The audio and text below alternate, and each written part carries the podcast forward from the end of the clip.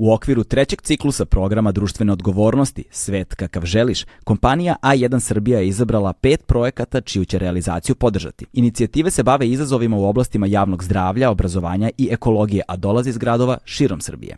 Više o svim projektima koji su podržani u okviru ovog programa možete pronaći na sajtu svetkakavželiš.rs. Legend Worldwide je domaći modni brend prepoznatljiv po džinsu i stilu, fokusiranom na stvaranje smirenog dizajna sa prizvukom modernog nasuprot bezuslovnom praćenju modnih trendova. Srbija se suočava sa negativnim demografskim trendovima. Deca Srbije mlađa od 18 godina čine samo 17,3 od stanovništva. To decu čini posebno dragocenim resursom koji zahteva svu našu pažnju i podršku. Svako od nas može da uradi nešto dobro za sadašnje i buduće generacije. Pošaljite SMS 200 ili 500 na broj 9656 i donirajte mesečno 200 ili 500 dinara. Time postajete član kluba prijatelja UNICEF-a, član zajednice posvećene deci, našem najvrednijem resursu. Sa servisa se možete besplatno odjaviti u svakom trenutku slanjem poruke STOP na broj 9656. Da podsjetimo još jednom, SMS 200 ili 500 na broj 9656. A u ovoj epizodi veliko mi je zadovoljstvo, zaista veliko zadovoljstvo što mogu da ugostim ljude kojima se beskreno divim i ljude a, prema kojima gajem ogromno poštovanje. U pitanju su momci koji predstavljaju Gorsku službu spasavanja. Gorskom službom spasavanja sam fasciniran već duži niz godina, čak sam jednom prilikom radio i dokumentarne film o njima, prolazio sam njihovu obuku. Veliki broj članova Gorske službe spasavanja su ljudi koji mogu da nazovem svojim prijateljima i ono što ovi ljudi rade, način na koji ljudi, ovi ljudi to rade, koliko se žrtvuju i sve na dobrovoljnoj bazi, ovaj, je zaista neverovatan i mislim da nisu do sada realno dobili dovoljno prostora da govore u punoj snazi ono čime se bave, na koji način se bave i da ljudi steknu negde jasniju sliku šta biti spasilac u gorskim uslovima zapravo znači, a zapravo su i mnogo više od toga, ali saznite to u našem sledećem razgovoru. Dakle, u mom sledećem razgovoru Piroška i Diki, oni su inače poznati po nadimcima, a ne po imenima, a, imenima su moji sledeći gosti. Uživajte.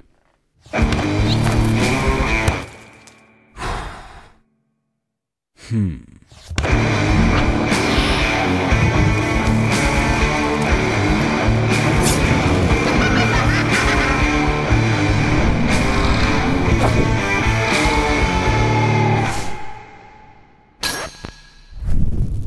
E, ovaj, naš, baš mi je veliko zadovoljstvo da ste ovde i dugo sam razmišljao o vama Ovaj, I tražio sam pravi trenutak kada vas pozovem, ali nekako pra, svaki trenutak je zapravo pravi za vas. Nema pravog trenutka, nema neke posebne sezone kada ovaj, ste aktivniji nego inače, osim kada su skijaši na stazi, jel tako?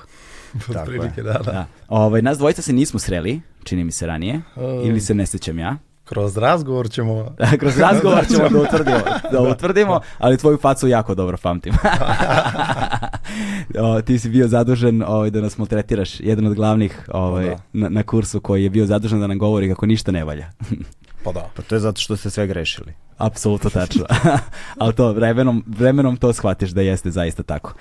Ovaj, gorska služba spasavanja, a, tema današnje epizode i sećam se kada smo Nomad snimali, a, zbog nezahvalnosti formata koji mora, koji mora da bude, ne znam što, ne sjećam se, 42 minuta ili tako nešto, uh, uvek imaš taj najbolniji osjećaj u montaži kad sediš i moraš da odbacuješ materijal. Znaš, ovo nećemo, ovo nećemo, ovo nećemo. Zna. Ovaj, I sad najzad imamo ovakav jedan format gde sve to što u montaži kažemo nećemo, sad hoćemo. I mislim da je važno da približimo negde ovu temu, zato što bez obzira koliko god ljudi da znaju kad im kažeš GSS, kolokvijalno, mislim da i dalje negde široj javnosti beži ono što je suština zapravo gorske službe spasavanja, istorijata gorske službe, značaja gorske službe i onoga što čini ne samo za društvo, nego i za sve, svakog pojedinca koje je član inače same službe u kojoj se nalazi, kao što ste vi između ostalog. A, tako da, odakle nam je najbolje da počnemo priču? Hoćemo od istorijata. Ajde da počnemo ako se predstavite vas dvojice, koja je vaša funkcija i s čime se bavite u civilnom kao odelu i čime se bavite u gorskoj službi? Ajde, Diki prvi. Ajde. Uh, moje ime je Dimitri Ostojić, u GSS-u me znaju kao Diki. O, dugo godina radim kao instruktor na osnovnom kursu na kome si i ti bio. Uh, jedan kurs sam čak bio vođa kursa i vodio, to je kurs gde si ti bio pozvan da dođeš ali nisi mogu zbog nekih obaveza. Da. Nakon snimanja one emisije, da, se 2017. a 2016. je snimljena da. emisija. Uh, jako dugo sam angažovan u GSS-u, bio sam na raznim funkcijama, ali da kažemo, ono što me pre, prevashodno zanima je ta tehnička obuka ljudi i, i ti domeni koji imaju veze sa tehničkim spasavanjem i generalno sa spasavanjem. Inače, u, da kažeš, stvarnom životu se bavim um, ITM, radim kao IT inženjer i eto, balansiram. Uh, ja, te, ja, ja, ja pamtim uh, tebe zapravo najbolje sa, to je bilo drugo ili treće vežbalište, Zlot je bio u pitanju. Zlot. Zlot je bio u pitanju, sećam se to prvo veče je padala neka ledena kiša. Jo, yes. I na bio je minus dva, neka ledena kiša je padala i išli smo ono neku češelj pretragu, šta je već bilo tada. Stražili smo dva ranjenika, jel te? Yes. Ovaj, a, I ti si bio zadužen za orijentiring tada, čini mi se. Da, za, generalno za orijentaciju u GSS-u. Da. Za orijentaciju u GSS-u, da. to. Uh, ja sam Paroški Srđan, zovu me Piroška u GSS-u. Mi svi imamo nadimke, to znaš. Mi se, Znam ja, ali objasniti. Mi nekad čak i ne znamo imena i prezimena naših članova između sebe, mi se samo znamo po nadimcima. To je toliko daleko otišlo da su roditelji počeli tu, tu, tu, tu svoju decu da zovu po tim nadimcima. Svaki nadimak ima vuče neku anegdotu, neki su nastali iz čiste gluposti, neki onako, neki imaju smisla, neki nemaju smisla, izuzetno su redki ljudi koji nemaju nadimke i onda mi ih onako gledamo kao šta nije u redu. Uglavnom nadimci u nekoj grupi, skupini ljudi koji se nečim bave, e, označavaju e, jednu veću povezanost. Dakle, to ipak e, označava da mi imamo jedno ozbiljno poverenje jedni u drugi. Tako da nije to e, tek tako. Oni spontano nastaju, mi ne, njih ovaj, ne forsiramo na silu, nego oni spontano nastaju i onda tako već 60-70 godina. Ovaj. Tako da mene zovu Piroška, ja sam od 2005. u službi do 2015. ovaj 18. znači 15 ovaj e, godina sam bio 2005. do 2018. ste rekao? Da. 2005. do 2018. 13 godina. Tri, dobro, 13, nebitno. Jer sad već ono sam izgubio ovaj skroz. Do 2018. sam bio volonter, od 2018. sam profesionalno angažovan u izvršnom odboru. Tako da ovaj, tu se bavim administracijom, financijama, malo tim, tom organizacijom i eto sad ovde ovaj, A u civilu? Malo da, Pa, pazi, a, profesionalno sam angažovan u smislu da sam stalno zaposlen. Aha. Trebalo bi da je to 8 sati, ali to je 10, 12, 15, 18 Tako, ti si full time, sati, da. Ti si full da, time da. GSS. Da, on je spojio ne, volonterski i profesionalni rad u jednu stvar. Nemam, nemam privatni život. Telefon zvoni non stop, od ponedjeljka do petka radimo za GSS, vikendom ljudi odlaze u planinu, imamo akcije, znači 7 dana u nedelji. To je jedna mašinerija koja melje. Ali dobro, pazi, to, čini mi se to dobar život.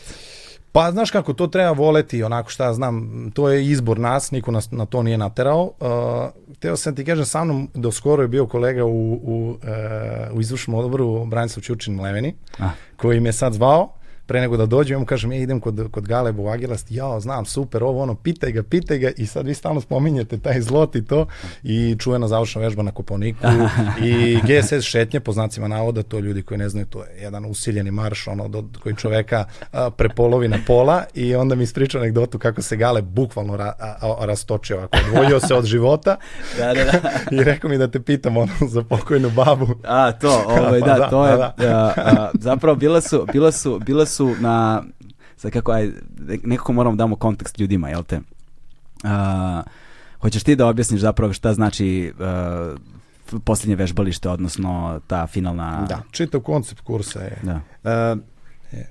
Kruna kursa je, znači sama završnica, uh, taj period koji se dešava na Kopaoniku i traje pet ili šest dana, uh, mi to zovemo završna vežba Gorske službe spasavanja. I to je neki trenutak gde su već polaznici kursa došli praktično do kraja i sad trebaju da izdrže još tih 5 dana, tih 5 dana su bukvalno najgorih 5 ili 6 dana koji, koji, koji, su ih, koji su mogli da dožive na kursu u svakom mogućem smislu te reči. U životu. I u životu, bukvalno. U životu. I tu je najveći izazov u stvari što ti 5 dana aktivno učiš, radiš neke obuke, visiš na žici, e, učiš medicinu, radiš, a noću kad trebaš da vratiš tu energiju koju si izgubio tokom dana, ti nije baš da spavaš. recimo, recimo da je tako. I uz to imamo stalno, da kažeš, neke te fizičke, uslovno rečeno, provere, to jest uh, nije tu u pitanju klasična provera fizičkih sposobnosti, nego jednostavno idemo po terenu, ali idemo dosta brzo, po dosta velikom terenu, sa velikom visinskom razlikom i onda vidimo kako se ko ponaša. Da. Da, da Mleven je bio prva osoba koju sam kontaktirao kada sam želeo da napravim epizodu. Ovaj, I neko sa kime sam inače uh, nakon kursa zapravo jedan, jedan, jedan od članova GSS s kojim sam ostao u kontaktu i, i dalje, tako da pozdrav za Mlevenog. Uh, ono što je moje iskustvo bilo jeste, uh, dakle, bilo je nekoliko prethodnih vežbališta na kojima smo bili. Dakle, bio je Jastrebac, bio je Zlot, bila je Avala, ali tako yes. je to. E, I konačno vežbalište, ta, ta, ta finalna vežba je bila na Koponiku. I ono što su nama rekli kada smo se pripremali za Koponik, rekli su nema kondicije više. Znaš, kao sad ste završili sa kondicijom. I to smo mi svi slavili kao wow, nema više kondicije, jer teško je objasniti ljudima kako izgleda kada na medicinu, na tehniku, na predavanja, na deprivaciju sna, mm. na te češelj pretrage, na svo, sve to što se dešava i gde naravno svi grešimo i niko ništa ne zna i stalno, stalno je sve loše i stalno si gladan i stalno si umoran i stalno ti je hladno i, pa da. i konstantno ono stanju jednom psihičke, fizičke i emocionalne iznurenosti ti neko da je na to, daje na to i kao kondicione vežbe uh, i sećam se na primjer zlotu recimo je bilo to kad smo radili, radili onih 420 400 brpija, da? 420 brpija su onih radili nenormalni. Jesi verovao da možeš to da uradiš? Da, nisam verovao, nisam, pa ja nisam nikad uradio više od 15 na primjer, recimo u životu. I kao da smo svi uradili 420 je nešto što je neverovatno. E, to je cilj e, čitavog tog kursa da. i te završne vežbe, da mi čoveka doteramo do njegovog limita koji je njemu nije poznat. Da. Znači, on ne zna koliko može i mi ih onda teramo, teramo, a na završnoj vežbi ih lomimo da. skroz potpuno, jer šta je nama cilj u stvari na kursu, a pogotovo na toj završnoj vežbi, tu je da mi slomimo čoveka kao individu, da on, e, nama treba tim, a tim i ja koliko je jaka njegova najslabija karika, nama ne trebaju soleri, super spasioci, supermeni, neki koji idu sutra i pričaju ja sam spasio, ja sam ovo, ja sam ovo. Ne, mi gradimo timove, gradimo ekipu, gradimo kolektivizam i oni moraju sarađivati jedni s drugima i u тој муци mi njih spajamo. I to su iskustva koje oni pamte za čitav život. Da. To, to su stvarno jedna iskustva koja, koja nikad više u životu neće, neće doživeti. To tako da, da, da im se prekida san, da im ne damo da jedu, da spavaju, morimo ih i glađu, e, mokri su, ne, imaju lošu opremu, sneg je, prte, noću šetaju se kroz one, one beskrajne noći na koponiku, vedro nebo i ti tabanaš kroz neku šumu, tražiš nekoga, ne znaš ni što si tu i što ti je ovo u životu trebalo. koje dan, I, koje godine. I svaki instruktor, kako, kako kurs od, odmiče, ti instruktori se povećavaju polako da bi na kraju svaki polaznik dobio po jednog maltene svog ono ovaj čuvara nekog koji ga vodi i on se kreće iza njega u pretrazi i posmatra ovog šta ovaj radi. Međutim, ovaj ne nosi čelno, ovaj polaznik napred nosi, on se čuje nešto, okrene se iza, vidi da njega nema. Znači, kao duhovi idu nama iza leđa i prate da li čovjek potpuno ovaj skrenu ili, ili je zdrav, ali taj osjećaj kad se to sve prevaziđe i taj kolektivizam koji se tu izgradi, to, to je u stvari najzdravija neka baza koja je e. kasnije odskočna daska za sve. I ovaj, e, baš tako, sećam se, recimo u Zlotu je bilo ono, ustlali smo nešto u 5 i 15 ujutru i kao idemo lagano zagrevanje, i trčali smo Trčali do ove La, Lazareve pećine, smo tamo išli, jel te, da. ispred i onda je, i onda je došao Ćale, jel te? Pa da, da, Ćale, Miroslav Vlašića. E, pozdrav za Ćaleta, onda je došao Ćale i rekao, ajmo sad malo zagrevanja, ima jedna vežbica, neko je zove Rus, neko je zove ne znam koji su sve nadnici za vežbu, kao, ali u svakom slučaju dole po, donja pozicija u sklek, dodirnete grudima pod, onda ispravite se gore, skok, skok gore i tapšete rukama i morate svi kao jedan. Ako neko nije, onda se ne, po, ne, ne broji ponavljanje, znaš, i onda smo morali svi. Pa da. I, ovaj, i krećemo, ajmo, jedan, dva, tri, četiri, tri, ti sad misliš od deset, tri. pet, tri. I čoveče, stigo smo mi do 210, stigo smo i ajmo sad 209, kad je to počelo da broju nazad, ja sam, ne, ne, ne, ne, ne mogu što da objasnim, a pada ona ledena kiša, minus 2 je neki, svaki pa put kad odirneš beton dole ša, dlanovima, kao da ti, kao na iglama da si, da, da, da, da, da se spuštaš. U to vreme kad je kurs je najgore vreme, inače na da. planinama. To je yes. naj, to je Tako. Da. To, to, e. to, tad se ne ide u planinu, mislim. I, ovaj, I onda smo imali trčanje do vrha gore i kao kad smo se popili na vrh, mislili smo gotovo, ne sad trčimo sve nazad, znaš, tako da, i to je bio tempo dobar, neka 4 minuta kilometar je otprilike bio, što uopšte nije zajebavanje.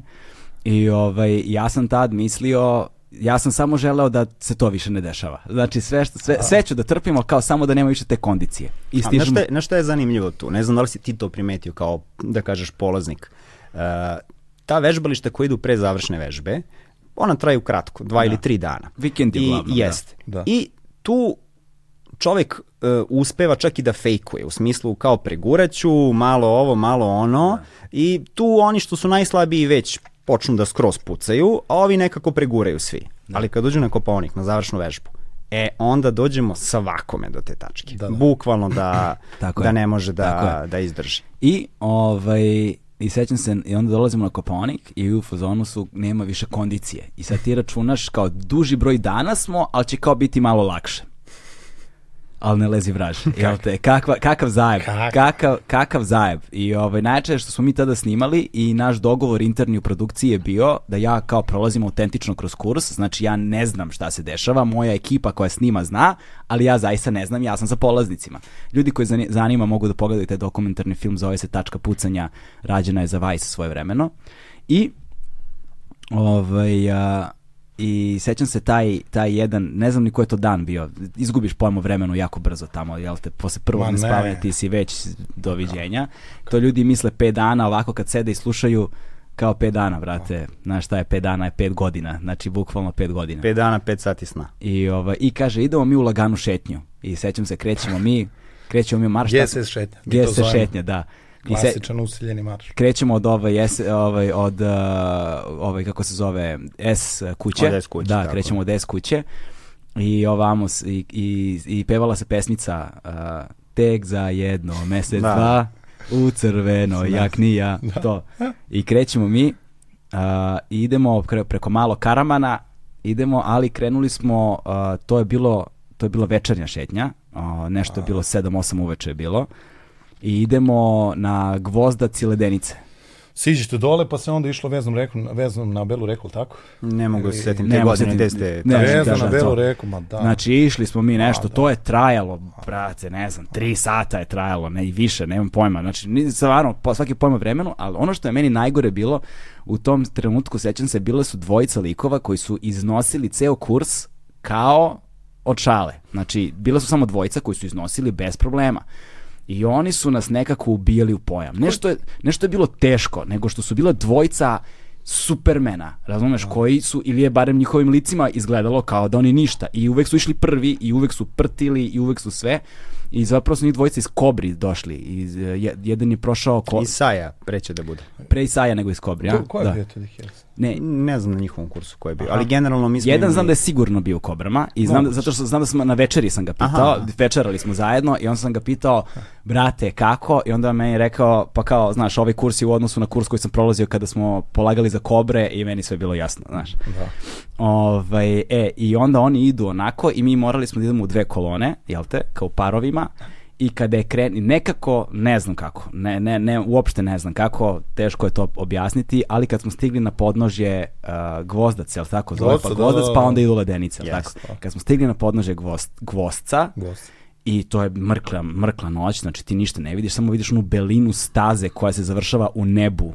I okolo borovi i sve mrak, samo je crno, i kao idemo sad uzbrdo u ski stazu, znaš, do vrha, pa nas krećemo na ledenice do vrha nakon vrlo brzo, to je bio takav, pritom je uh, da, li je, da li je padala isto neka kiša ledena, znaš, onako, bio je tvrd onaj sneg koji je proklizavao. Nekad znam kako da objasnim kako se to zove. Kad je onako kao zaleđeni sneg.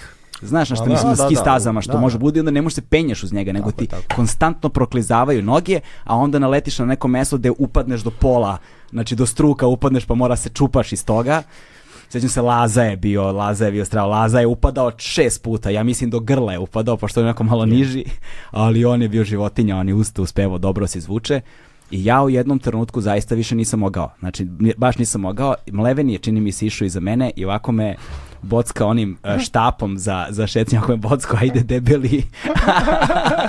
ajde debeli, zato i ne možeš. Ja sam u tom trenutku već sve skinuo sa sebe. Ja sam ostao samo u u, u, u ovaj, a, ostao sam samo u onom aktivnom vešu, sam potpuno, sve sam bacio sa sebe, ostao sam samo u aktivnom vešu u sred noći na ski stazi, plačem, sve otpada mi, sve živo. Ja sam, ono, tako kaže, ja sam poslao poruku ovaj da Johnny bio, meni se ono pokojna baba mi se javila, ja sam počeo haluciniram. To, to, to, to. Ja sam počeo haluciniram na stazi, ja nisam uopšte znao, ja, ja, znači, ja, ja, sam, ja sam umro, Dakle, pa i onda, i onda sam shvatio da mogu da mislim i dalje, znači da sam ipak živ, e, ali, to ne, cilj. Da, ali ne znam kako sam živ, uopšte ne znam kako sam živ, ja ne osjećam više ništa. Mene, ja, tak, to, ja takav stepen fizičkog raspada nisam nikad u životu pre toga doživeo. Pa da. Nikad u životu. Trčao sam maraton, ne znam, nema kakvima, ništa. To je sve šetnje u parku u odnosu na ovo meni bilo.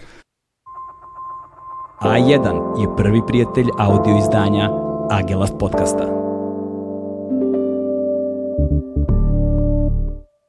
I, ovaj, I onda sećam se na jednom trenutku kad smo se popili na vrh, ne znam ni kako smo se peli, onda su oni mene, ja sam već počeo debelo da zaostajem za svima, ne znam koliko sam bio iza svih i ovaj, onda su mi savjetovali gazi gde, oni, gde su oni gazili, gazi po njihovim, pa i onda su mi rekli ima neki penjački hod ili tako nešto, yes. kao da odmaraš nogu dok hodaš, ali da hodaš i dalje, ma sve sam pokušavao, ništa nije moglo, samo sam da se pustim, se otkotrljam nazad i onda je bio magičan trenutak kada uh, snu, nas, nas je Mleveni nas je baš zaustavio, sve nas je zaustavio i rekao ugasite čeone lampe.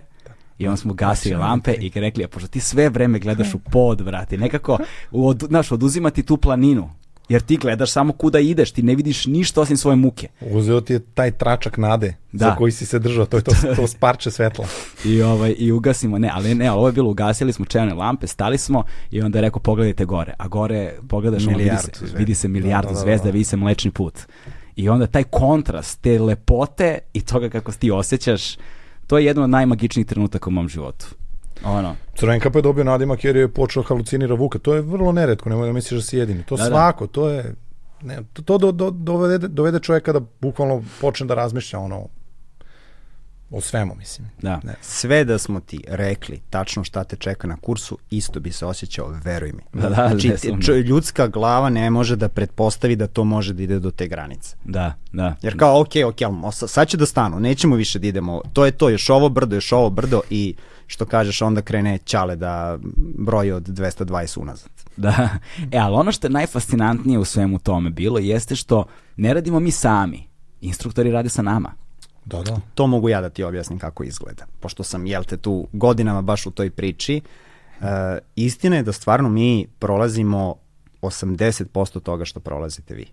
Ima nas malo više i postoji neki trenutak kad neko može malo da odmori, ali načelno držimo vam obuku, fokus mora da bude znači, na strašnom nivou, jer nama ljudi vise sa 25 metra na žičari. Znači, to, to, to, to su ozbiljne stvari. Da. I onda idemo s vama uveč u pretrku. I, ali nekako, znaš, uđemo u taj mod, već smo to navikli i nekako uspevamo na kraju da, da proguramo sve to sa vama i jedina što je razlika što ako vi spavate 5 sati za lupam 6 dana, mi možda odspavamo 10. Jednom pre podne možemo da kažemo, e, mi ćemo malo kasnije da izađemo na žicu. I to malo menja stvari, da se razume. Da, da, malo više menja da. stvari. Pazi, o, ovo je način, imali smo tamo i da se istuširamo, sećam se, niko se nije tuširao. Kakvi, ma niko kakvi. se nije tuširao, jer kao, ko će da troši energiju na tuširanje? Znaš, ako imaš slobodan trenutak, zatvaraš oči, brate. Biraš da li jedeš ili spavaš. Tako je. A ono bokseri, naš u rundama, on bi da diše, ali bi da pije vodu, a nema vremena iz jedno i za drugo. E, baš Tako da, da to e, je to. E, baš to. I bilo je, sećam se, bio je dečko jedan, njem, on, on je u to veče, u toj pretrazi, ovaj, on je, uh, njemu se desila hipoglikemija bila i kao sećam se idemo kroz marš, i on prvo je počeo nekako neartikulisano da se kreće, kao koče mu se prsti, a onda je počeo nešto da priča i u sred rečenice ga više nisam razumeo. Ja sam u brate, šta govoriš, i onda je neko je prepoznao da je to hipoglikemija i bio fazonu brzo čokoladicu, vadi, vadi neki šećer i posle, čim je uzeo čokoladicu, posle 10 minuta mu je bilo bolje. Ali hipoglikemija je strašno opasna stvar. Ali pričat ćemo i o tome, između ostalog. Hajde sada, nakon ovih anegdota, da se posvetimo malo ono gorskoj službi i da počnemo ovu priču nekako iz početka.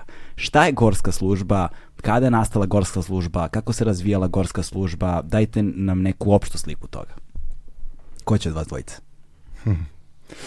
Pa šta Piroš, znam, u ti. principu pa sve jedno, jer mi smo... mi smo ćemo da, jer smo mi novija generacija, znači ja sam 2005. Diki je došao malo kasnije, on je bio meni. 10.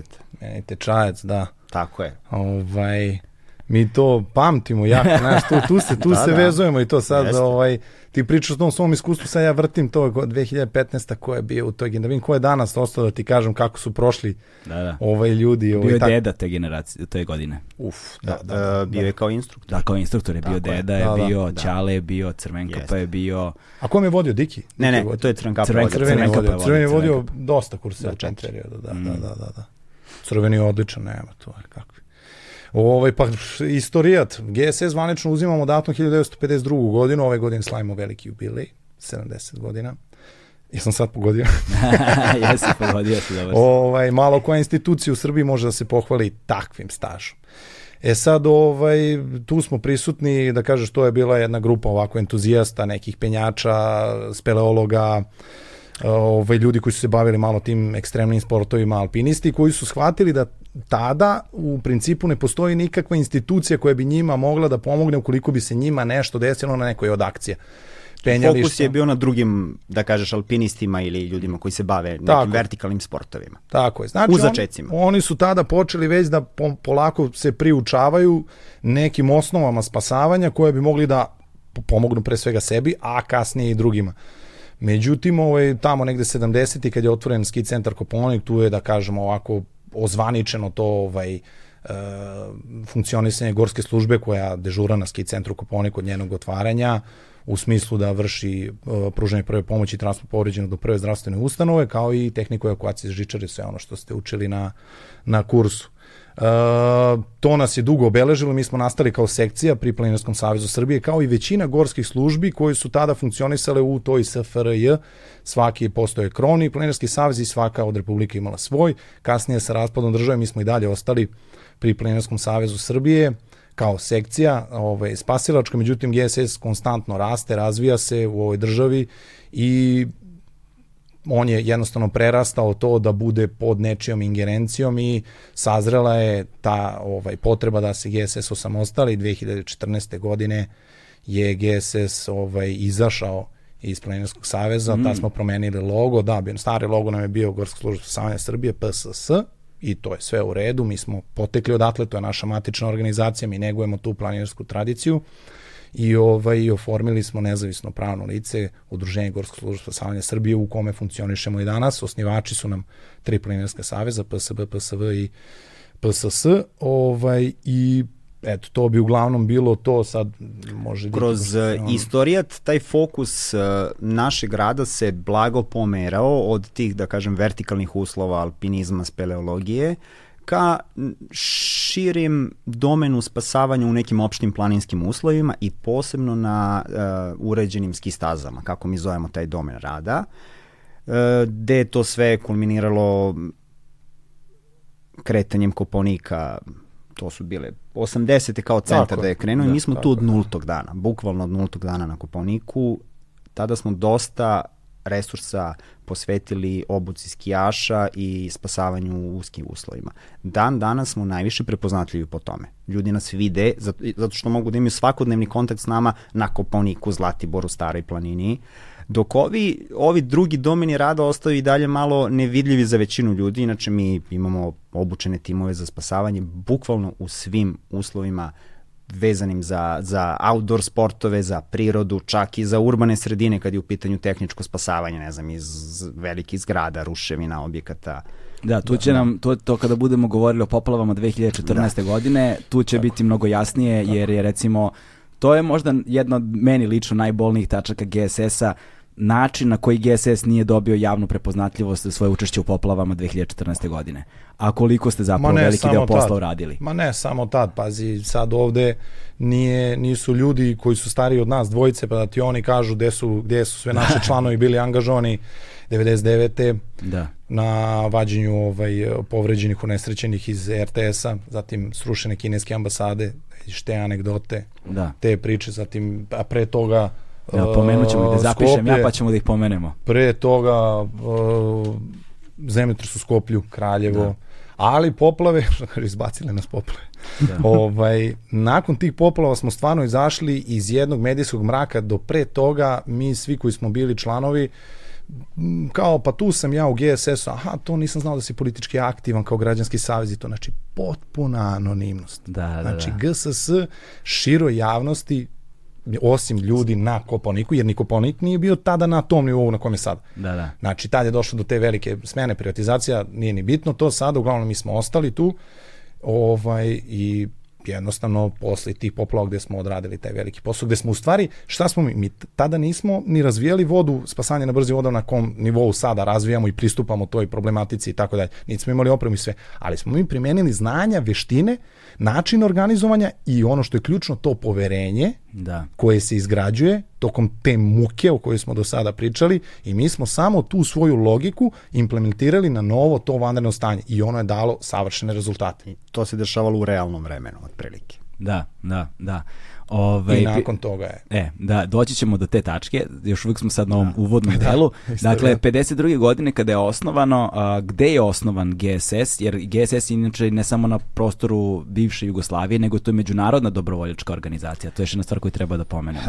Uh, gorska služba spasavanja, generalno ako pričamo o spasilačkim službama u planini, uh, to, mi nismo deo neke, da kažemo, svetske organizacije ili tako mm. nešto kao franšiza ili ne znam Da. da. ja, da Kao pratimo krst, kao primer, recimo da. što je Crveni krst Da, ili da, nešto, da. već svaka zemlja ima prilično jedinstvenu svoju gorsku službu spasavanja i one funkcionišu od zemlje do zemlje na različite načine. Model koji funkcioniše kod nas ili kako je krenuo 52. da bude, je realno prekopiran od rešenja iz e, Slovenije koja je bila znači ne, ne bila onaj dan dana što se tiče planinarenja, alpinizma, uh, svetski nivo. Uopšte I te bukvalno. kulture. Da, Bukvalno. jedna od najdominantnijih zemalja u svetu. Može se Tako kaže. je, u Da, svetu, kao. znači slovenački penjači su ljudi koji su pisali istoriju alpinizma. Da. Ovaj, Pričao je Ivačković o tome, by the way. Da. Uh, ono što se zvala jugoslovenska ruta je sad slovenačka ruta na Everestu. to je, pa, Da. uh, Zato što su sve bili Slovenci, sem Jugoslo- jednog Hrvata, čini sem mi se. Stipe Da. Božića, svi su bili Slovenci. Da. Ovaj, e, šta se tu dešava? Dešava se da mi kopiramo taj model, mislim kopiramo, to je tad bilo normalno da tako funkcioniše, a zanimljivo u svetu spasilačke službe rade na sličnom modelu, sve, sve spasilačke službe su radile kao volonterske službe. I uglavnom su ih činili iskusni penjači, alpinisti, ne znam ni ja, planinari, kogod, e, da bi dan danas u većini slučajeva ostala ista situacija. U ev, ako gledamo Evropu, većina spasilačkih služba, gorskih služba spasavanja, da kažem, rade po principu volonterizma ili poluprofesionalizma. Sa nekim brojem organizacija koje su potpuno profesionalne, čak ima i modela gde postoje uh, potpuno profesionalni deo službe i volonterski deo službe. Ali uvek je kombinovani model. I to je jako Najčešće. zanimljivo uh, zato što se taj model pokazao kao najbolji. Uh -huh. Uh, stvar je u tome da teško je da vi nađete nekog na ulici i da vi njega obučite da on bude gorski spasilac. Prvo čovjek to mora da nenormalno voli, mora da bude u outdoor priči, mora da, uh, mora da živi taj život i da oseti potrebu da, da, da se bavi time iz jednog prostog razloga. To je vrlo teško finansijski nadoknaditi da neko kaže ima opravdanje ja ću to da radim uh, za lovu. Mislim, na, na, na, na klasično spasilaštvo. Tako da taj model je ostao i kod nas. Znači, posle 70 godina mi smo i dalje volonterska organizacija, ali kao što je pomenuo Paroški, imamo određeni broj ljudi koji su, koji rade zbog uh, toga što je naša služba ekstremno narasla u odnosu na pre 70 godina, tako da, da ima puno i administracije i raznoraznih stvari. Ima i logistike, logistike, stvari. vozila, opreme. Ovaj, čak smo mi u, on, u odnosu na period kad, smo, kad si radio s nama, da. to je bilo 2016. čovječe, prošlo je 6 godina od tada. Ne bi, ne bi pre, prepoznao sada. Ovaj, Pa više nema uh, ovaj GSS one doma ili kako se zvali, ne doma, nego kako se, gde ste bili na sajmu, te sve srušili. Da. Jugoš da, pet, da, ma da, da, da, Jugoš, da, da, gde ste ne. sad? Sad smo na splavu, dođi kod nas, rekao E, nam je e. Mlevenin, moraš da... Mora mo- doći. moraš da dođeš kod nas, Imamo konačno broj. imamo nešto naše. Nakon E, 70 godina smo izašli iz podstanarstva. Da, tako je. Sjajna stvar. Ajde da nastavimo prvo ovo, pa ćemo posle. E, ovaj, tako da smo mi odlučili, to jest zadržali smo tu tradiciju volonterizma koja se pokazala kao jako dobra. Ovaj, i radimo po tom modelu. Znači, svi naši članovi su praktično volonteri, završavaju obuku, nakon toga napreduju, biraju svoj put u službi gde žele da idu. Da li uh, im je primarno interesovanje skijenje, planinarenje, nešto od penjanja, speleologije ili sličnih uh, outdoor aktivnosti. I u suštini to je to. Imamo neku bazu ljudi koja je konstantna, uh, imamo oko 200 do 250 spasilaca aktivnih svake godine. Sad ti verovatno znaš, gledoci verovatno ne znaju da je kod nas nije dovoljno biti član GSS-a da bi učestvovao u našim aktivnostima, već čovek mora da bude uh, licencirani spasilac. Licencirani spasilac znači da svake godine svako od nas, bez ikakve razlike, uh, polaže neki test, prvo fizičke spremnosti, zatim poznavanje medicine i treće poznavanje tehnike.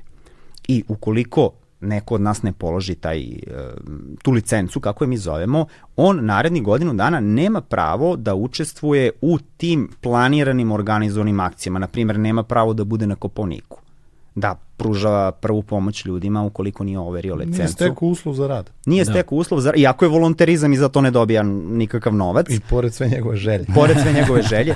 To je i dalje naš član, da. ali to nije, on nije u tom pulu od da, da. lupam 200 ljudi recimo. Tako da smo trenutno prilično stabilni sa brojnim stanjem, m, uvek smo otvoreni za nove ljude, postoje kanali kako kako ljudi mogu da da postanu članovi. O tome možemo da pričamo. Ogromno interesovanje. Da, da, da. Kako ljudi mogu se prijaviti preko sajta vašeg uglavnom? Da, da sad smo malo, znaš kako, ovaj um, veliko interesovanje Šta znači mi gledam, Pa to znači da mi ne možemo da, da obučimo toliko ljudi, fali ljudi, to je mislim, aktivnosti su se raširile i tako dalje, uvek je to dobro došlo, mi smo otvoreni, znači nismo mi zatvorena organizacija u kojoj ne, ne može da se uđe. Ali ovaj mi nemamo kapaciteta sada da obučimo 200 ljudi godišnje, da ih da. toliko proizvedemo. Znači, mi proizvodimo jednog spasioca. Mi, mi se to, to, to je to je jedan jako ovaj delikatan proces. Diki to zna i bolje jer se time bavi od tog inicijalnog dela, a to je taj osnovni kurs kada čovjek ulazi.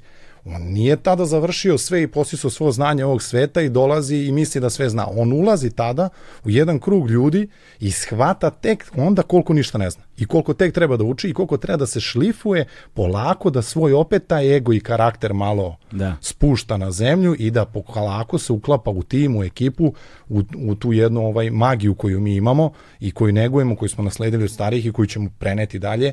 Ovaj, I dobar spasilac se postaje godina.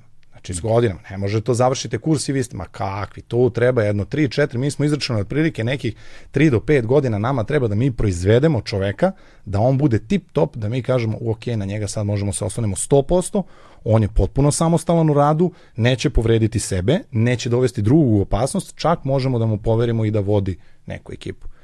Tako da u tom periodu mnogi ovaj odustanu. Kažem, veliko interesovanje, jer ljudi prvo nemaju, nemaju osjećaj. Oni misle da sad doći će kod nas i onda će kao da nauče ne znam ni ja šta i onda će postati neki supermeni koji će odmah da idu u akciju i odmah će doći rezultati i to oni će postati zvezde u svom kraju, ima svi da im se klanjaju, da. svi će da slušaju njihove priče. Žen, žene vole frajera u crvenim jaknama. A onda, a onda dolazi taj potop prvi na kursu o kojem smo sad pričali, ne. gde ljudi kao šta će vremeni ovo u životu. Tako je. I, na primjer, završe kurs i tek onda mi stalno njih, hoću da kažem, uslovno omalovažavamo. Mm. Jer na taj način ne želimo mi, niti mi lečimo kompleksi, niti bilo koga tu sada že, imamo nešto lično protiv nego. Mi želimo na taj način, pazim, jer stvarno je ta, ta moć koju vi dobijete, to je moć da nekom pomognete. Nju jako treba kontrolisati.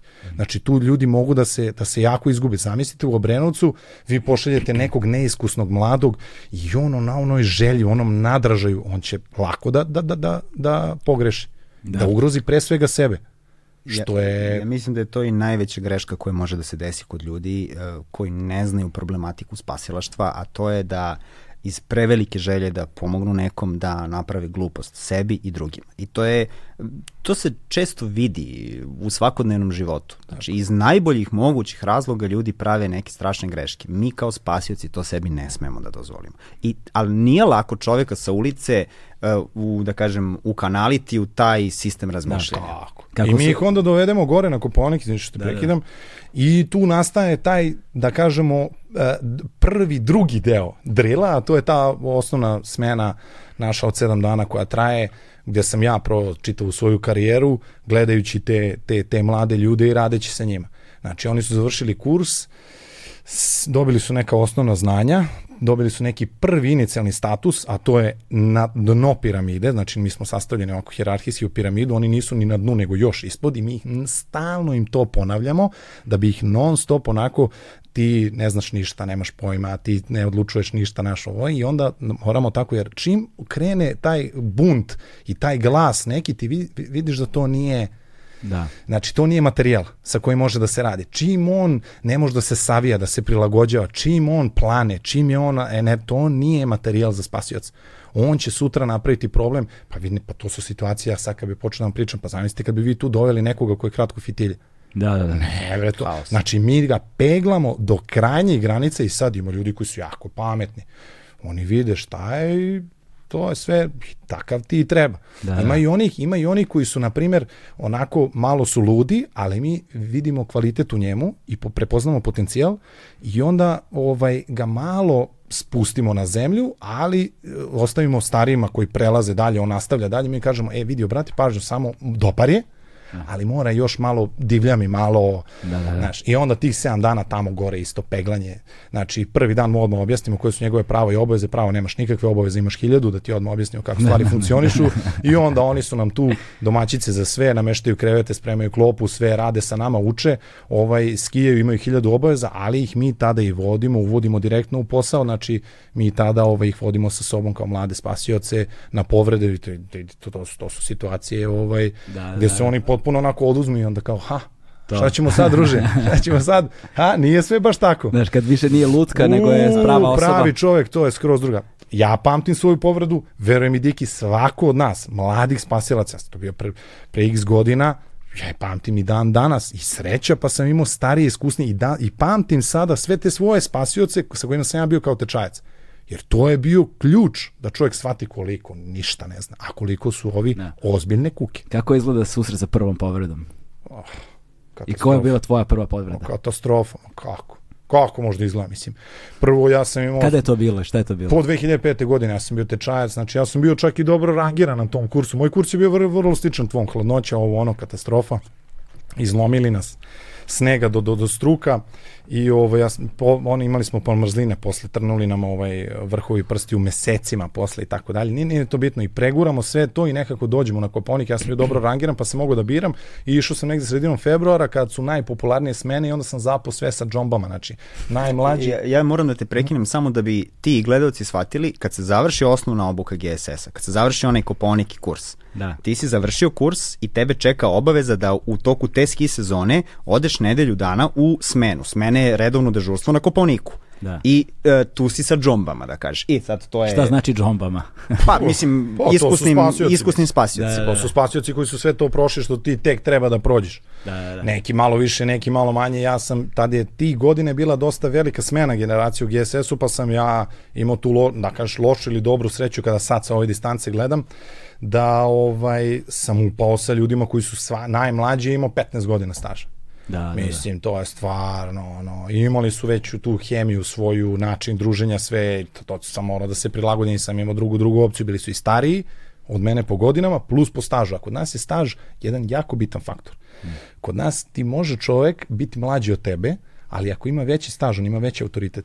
Da. I to je i to mi govorimo mladima, jel imaš ti problem sa autoritetom? Jel može sada tebi manji čovek, pazi, niži i mlađi da ti da naređenje i da ga ti poslušaš i on kao pa Znaš, ako je iskreno, on će reći, pa, naš problem je to malo. Da, e, ali je ovaj 7 godina, ti si tek došao, znaš, tako da eto. Pa ništa, ja sam ovaj, tu su, sve su mi to objasnili odmah prvi dan, vidim ja, to je katastrofa, ovaj, bit će veselo i taj, a de, nisi sam, deliš sa još jednim, sa još jednim tečajcem sa svog kursa, znači sa još jednim ovaj, tim šegrtom tu i to je meni danas prijatelj za čitav život, venčani kum koji nas je venčao. To, tu, tu prijatelj, to muka spaja ljude. Da, da, da. Znači, to je, verujem. I ovaj, Jedna noć vidimo, u problemu, prijatelj za ceo život. Vidimo mi šta je, kako je i ništa, to je krenulo malo da se odvije i bio je pun kopaonik i sve i na izlazu Karaman Grebena, tad još nije bila ova ova korpa koja ima u isklopiju, pa onda usporava na kraju, nego ih hvata jaka, ona centrifuga na kraju i udari čoveka spiralnim prelom butne kosti. Na povredi Toma Lenjer, To Lenjir. Toma Lenjir i ja ga pamtim ga i dan danas i o pomoć neka zove čovjek, ne može da radi sam jer je teška dalje, povreda, treba da se Ili tad bilo ono minimum trojica spasilaca idu...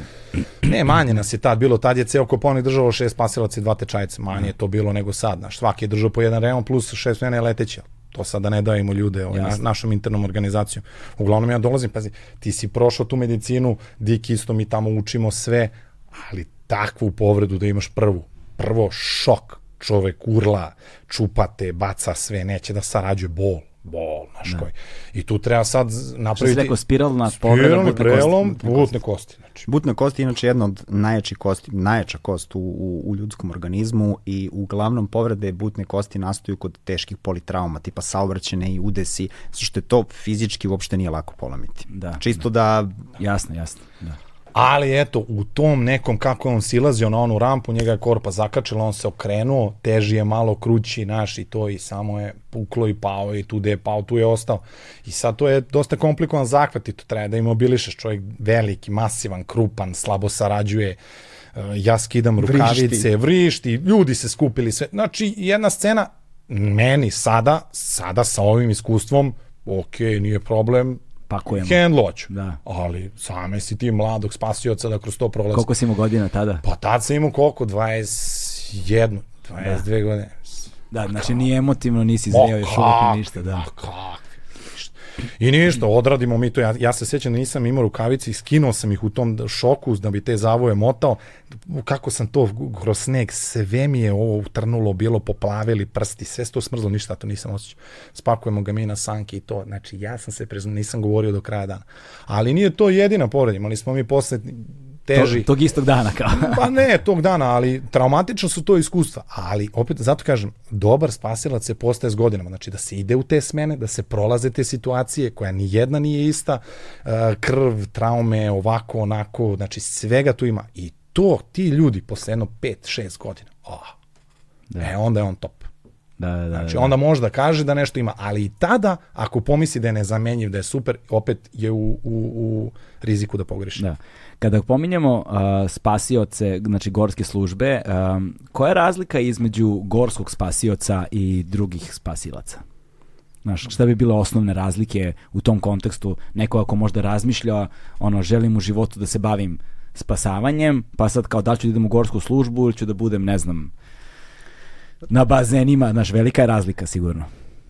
Jedna od stvari koja je svakako zajednička, to je ta ljubav prema mogućnosti da nekom pomogneš, aj tako da kažeš. Da. Ali razlike postoje i ono što čini gorskog spasioca gorskim spasiocima, gorskim spasiocima i pre svega po meni neka ljubav ka tom planinskom ambijentu, to jest tim planinskim aktivnostima. U smislu, ne možeš, ne možeš ti, e, hoću da budem gorski spasilac. Da. Jednostavno ti to, moraš da si to negde prvo video, ako si potpuno je ok, ako si samo skijaš, ti si bio na skijalištu, vidio si šta se dešava i onda ti moraš da imaš uh, više iz svakog od tih svetova neki element. Na primer, mm. ili da si dobar skijaš, ili da si planinar ili nešto.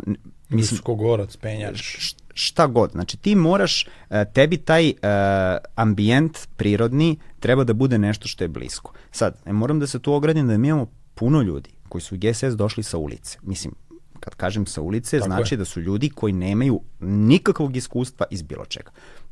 Nemam pojma kako je neko od njih uopšte saznao za GSS, možda im je zvučalo to kao cool ja. i došli su lepo u GSS i mogu da ti kažem da mi nismo odbijali takve ljude. Mislim, mi napravimo neku evaluaciju karaktera svega na, na onom prvom delu uopšte selekcije pre prijema i onda pustimo ljude. Ako vidimo da je to dobro meso, dobar, dob, da ima potencijala, I ispostavilo se da smo mi od nekih ljudi koji su, opet da upotrebim taj izraz, došli sa ulice, napravili vrhunske spasioce. Ne vrhunske spasioce, oni pa su da. postali vrhunski spasioci, oni su postali vrhunski sportisti u domenu, nekom od domena planinskih aktivnosti. Postali nosioci. To, ako mene pitaš, to u suštini znači da su oni u sebi uvek imali tu neku ljubav, tako je, ka ekstremnim sportovima, ka prirodi, ka ovome, onome, jednostavno nisu u svom životu uspeli da nađu sredinu koja će da ih kanališe ka tome i onda su, kad su došli u GSS, oni su rekli, čoveče, pa to je to. Otvorilo im se. Inače, posao, da. normalan put bi bio, logičan put bi bio, kao da si ti već neko ko je u suštini formiran u nečemu, kao dobar sam alpinista, penjač, šta god, i kao, e, kao, sledeći stepenik je idem ja u gorsku službu spasavanja.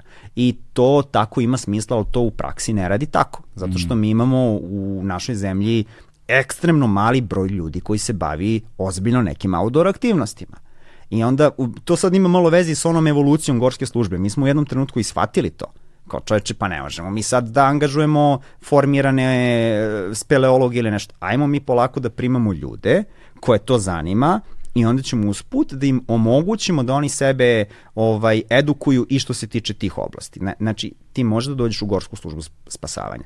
Ti ne možeš da postaneš odma e, tehnički spasilac. Tehnički spasilac je neko ko se bavi spasavanjem u vertikalnim uslovima. Znači, ono, u žarija, ovo, ono. Uh, ti moraš da provedeš niz godina, da završiš niz godina koje ne moraju da budu interne obuke unutar gorske službe. Možeš da završiš uh, kurs alpinizma Planinarskog saveza ili ovo ono, da bi steko, uh, da kažeš, reference, da možeš da ideš u taj napredan domen da, da. spasavanja. E, sad, reci, reci u suštini možda ti nisam baš najpreciznije ne, odgovorio ne, veze, na pitanje. Ali, ali dobro, ne, ali dobro, dobar, je, dobar je smer koji nam sad otvara uh, da, koji nam otvara dalja pitanja, zato što nekako, znaš, sećam se ja kada smo odlazili i tako dalje, recimo moj, kao ja, ja koji sam u, u, do tog trenutka u planini možda bio dva puta u životu na jedan dan.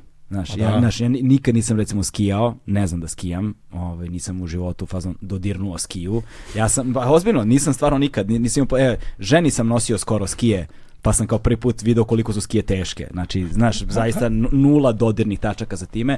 Odrastao sam prosto uh, ono, na ulici, jel te, i suiše siromašnom jednom okruženju gde je ono odlazak na planinu bio prosto luksus, bila je stvar koja, koju nismo mogli sebi da priuštimo i nikad nisam išao na skijanje. Ono, na more sam, ne znam, prvi put otišao s 20 nešto godina, znaš, tako da ovaj, za mene je to bilo jedno potpuno drugačije iskustvo i sećam se kao dolazimo tamo i srećeš ovaj je speleolog, ovaj se bavi, ne znam, bouldering pe, sportski da. penjač, mm. ovaj je, ne znam, i ono što sam isto primetio i to su mi posle govorili, kao bilo je dosta ljudi koji su recimo iz vojske, policije i tako da, dalje, ali su mi takođe rekli da to ume da bude i problem, jer oni dođu, budu dominantni na kursu, moraš prosto da ga zabereš u odnosu nekog drugog, ali njima je to recimo bonus za napredovanje u službi. Mi imamo termin za to, mi ih zovemo skupljači kurseva. Da. Eto, to su to. ljudi koji, ni, mislim, da. oni dođu u GSS, dođu na neki drugi kurs i oni završi kurs Nema ga i to je to, ćao. Da. Mislim, da ne grešimo dušu, da budemo jako precizni. Mi imamo neke od najboljih spasilaca trenutno u službi koji su profesionalno policajci ili vojnici. Da. Znači, ljudi su top, ali imamo i veliki broj koji je završio kurs i koji, tako da kad je neko iz, da kažeš, tog sveta, mi bukvalno radimo duplu proveru. Da li, da li on ima vremena za to, da li to njega stvarno zanima, Tako je, pa da, to, znaš. I onda se sećam ovaj da, da za mene, recimo, ja, kada, se, kada su se desili ti marševi, sada da dopunim ovo, ono moju muku od ranije, kada su se desili ti marševi, plakao sam nazad za kondicijom. Jer kondicija je bila nešto što mi je ipak, koliko god je bilo teško, bilo poznato a kretanje kroz planinu mi nije bilo poznato. I to je nešto što sad možda ljudima koji su znaš, i onda, ali srećeš s druge strane recimo to mi se jako dopalo što ste takođe birali ljude iz različitih delova Srbije. Znaš, ljude koji su i bilo je tu klinaca koji ne znam ne znaju ništa ali njima je boravak u brdskim uslovima prosto tu su odrastali. Ono znaš iz takvih su krajeva i njima je kretanje po takvom terenu normalno kao meni što je šetanje po beogradskim ulicama Znaš, e, a meni je tamo svaki korak mi se krivi stopalo. Znaš, ja sam imao, majke, ja, ja sam imao upalu, ono tetiva, skočim s da. globova, stopala, zato što moja noga nije napiknuta da se kreće po takvom terenu. I za mene je to bilo jedno potpuno neprirodno iskustvo u tom kontekstu. Veliki je plus da. za svako ko dođe na obuku, a da ima background u, u nekim outdoor aktivnostima. Da ja sad se vraćam na moj kurs, na primjer. Da. Pa, ja, da. vidi, gledaj, da, mislim, ja sam došao u GSS, ja sam jedan od tih redki koji je imao pozadinu, svime se i svačim bavio, pa je došao u GSS. Da i ja da to nisam radio, ja ne znam kako bi završio kurs čoveče. Da, da, da. Ti ono kao, i moraš da učiš one čvorove i ono s opremom, a pazi, meni ta oprema je bila rutina u tom trenutku, ali da. tebi, brate, nije, ti to nisi u životu video pre toga, razumiješ? Tako je, tako a sad je, razmišljam da sam ja morao sve to i da učim, i plus onaj pakao koji doživljavaš, uf. Pa to ja sam... Taj njegov kurs, znači, ja sam bio tada, to je bio prvi, to je bio ubrzo posle nas, znači, ovaj, tih nekih pet godina, gde smo mi dolazili u fajerkama i vijetnamkama, znači zamisli vijetnamku ti je ono, e, a ti sad treba da nosiš neki dry fit, nešto što, što maksimalno lagano i to, ti obučeš vijetnamku, odeš u crvene bare, a ona kao da usisava onu bukvalno. vlagu iz onih šuma i samo ti se ramena vuku dole. O, ta, a, bukvalno oprema je bila jeziva, ono kako smo mi svi, izgledali smo ko ono neki migranti.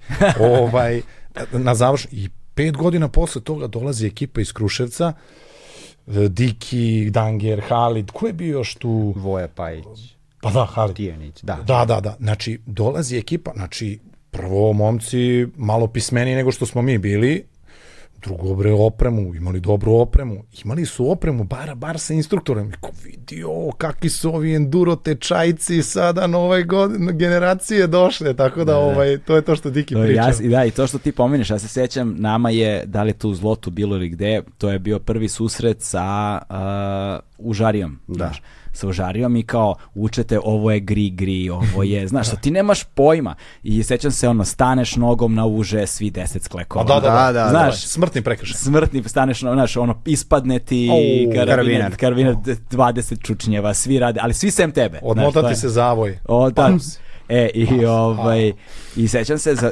koliko su to sad jedne stvari koje ti strašno otežavaju i sad, na primjer, ti treba da se penješ i bila je ona stena, sećam se, da. ovaj, i to je na Koponiku smo radili, recimo, penješ se bez osnovaca nogu, Dakle, kako se... Uh, Malpa i Uzengija. Tako da. je, Malpa i Uzengija. Eto, sa Malpom i Uzengijom. Sad tebi je, i tebi je to toliko neprirodan pokret Znaš, sad moj mozak koji nema, za razliku od nekoga recimo ko se bavi alpinizmom ili koji ima bilo kako penjačko iskustvo, za mene sad ja moram da stvorim nove sinaptičke veze kako se koordiniše da. pokret.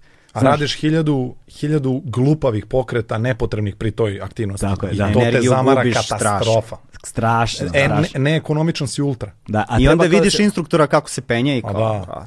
To. I onda, sećam se, i bila, on, ima ona veštačka stena je bila, ili ne znam da li dalje to ima. na Koponiku. Na Koponiku, tako je. Ja. Da, ispod rtnja. I kao, treba se popnemo do gore. Nas 20 mentola, razumeš, u stvari 40. A to žimarenje bilo. Da. Oh. da. Naš 40 mentola, nema, bila dvojica koji su bili uh, jedan penjač i jedan speleolog, oni su se popeli ovako. Hm? Mi, nas ostalih 38, to je bilo da nas gledaš i da nas snimaš i da se smeješ. Znači, niko ne može do pola da se popne do, do pola dok sam stigao ja sam bio toliko umoran. I znojav skroz. Znojav, ja, mokar, to. gotov, a onda ide, ne znam, štafetno predavanje, pa ide ovo, pa ide ono, pa onda završiš, pa ide medicina, znaš. Pa onda posle medicine marš. A ti si već tu u 10 ujutru, na primer 8 ujutru, ti si već gotov, dan je završen. Tebi ni rukama i nogama ništa nije ostalo. A da, znaš kako, mi ovo što sam, da se vratimo na početak, znači to što sam rekao veliko interesovanje, znači 100, 200 i kusur prijava nama stigne svake godine. Mi imamo kapaciteta, na primjer, da, da, da tu u osnovnoj obuci priđe neki 40 ljudi, ti sad kao selektuješ ih na osnovu neke fizičke sposobnosti koja je kao neki kriterijum koji uopšte ne mora da znači, mm. ali neki kriterijum mora biti tih 45 odustane do prvog vežbališta, na prvom odustane još 5, sa 30 ljudi da kažeš da kreneš da radiš, peglaš ih na završnoj vežbi, odustane još 2, 3 tokom kursa i još tu tebi realno ostane 20 ljudi, to je surova je selekcija, naš, da. ovaj, ali 20 ljudi da završi tu, tu, tu taj prvi drill neki i onda ih daju nama i onda mi ovaj desi se da nekad i od tih 20 zovemo posle instruktore pa kažemo ovaj, brate, šta je, kao ja, naš šta, bio nam je onako, glasali smo, naš, treba tu neki konsens, nemaju ni oni, da. e, ne mogu znati, neki se otkriju te kasnije, neki se otkriju u dobrom smeru. Da. Ne, na šta je zeznuto? To, to ljudi, polaznici kursa ne znaju koliko je nama teško da donesemo odluku da nekog oborimo na kursu. Da. Uh, svi, ja, ja sam ubeđen da tečajci misle kako mi jedva čekamo sad nekom da odsečemo da. glavu tu, da. da. a istina iza toga je skroz drugačija. Mi bukvalno tražimo slamku da ostavimo čoveka. Znači da. on ako je nešto mnogo zezno, jebi ga. Jebi ga, da. Ali stvarno se trudimo i na kraju desi se da prođe neko ko je imao realno neke mane ali ne desi nam se da se desi katastrofa. Da, znači, da, to da. je... Da, da. Pa tu je zapravo je, jedini, jedini veliki, uh, ono, uh, jedina velika istina je tu vreme. Yes. Pa da, samo se yes. kroz vreme zapravo yes. u potpunosti da. otkrije čovjek. A to, to ne može, to, to nikako ne može sakrije. Da. To ne može. I znaš kako mi, tu većina pojede manjinu.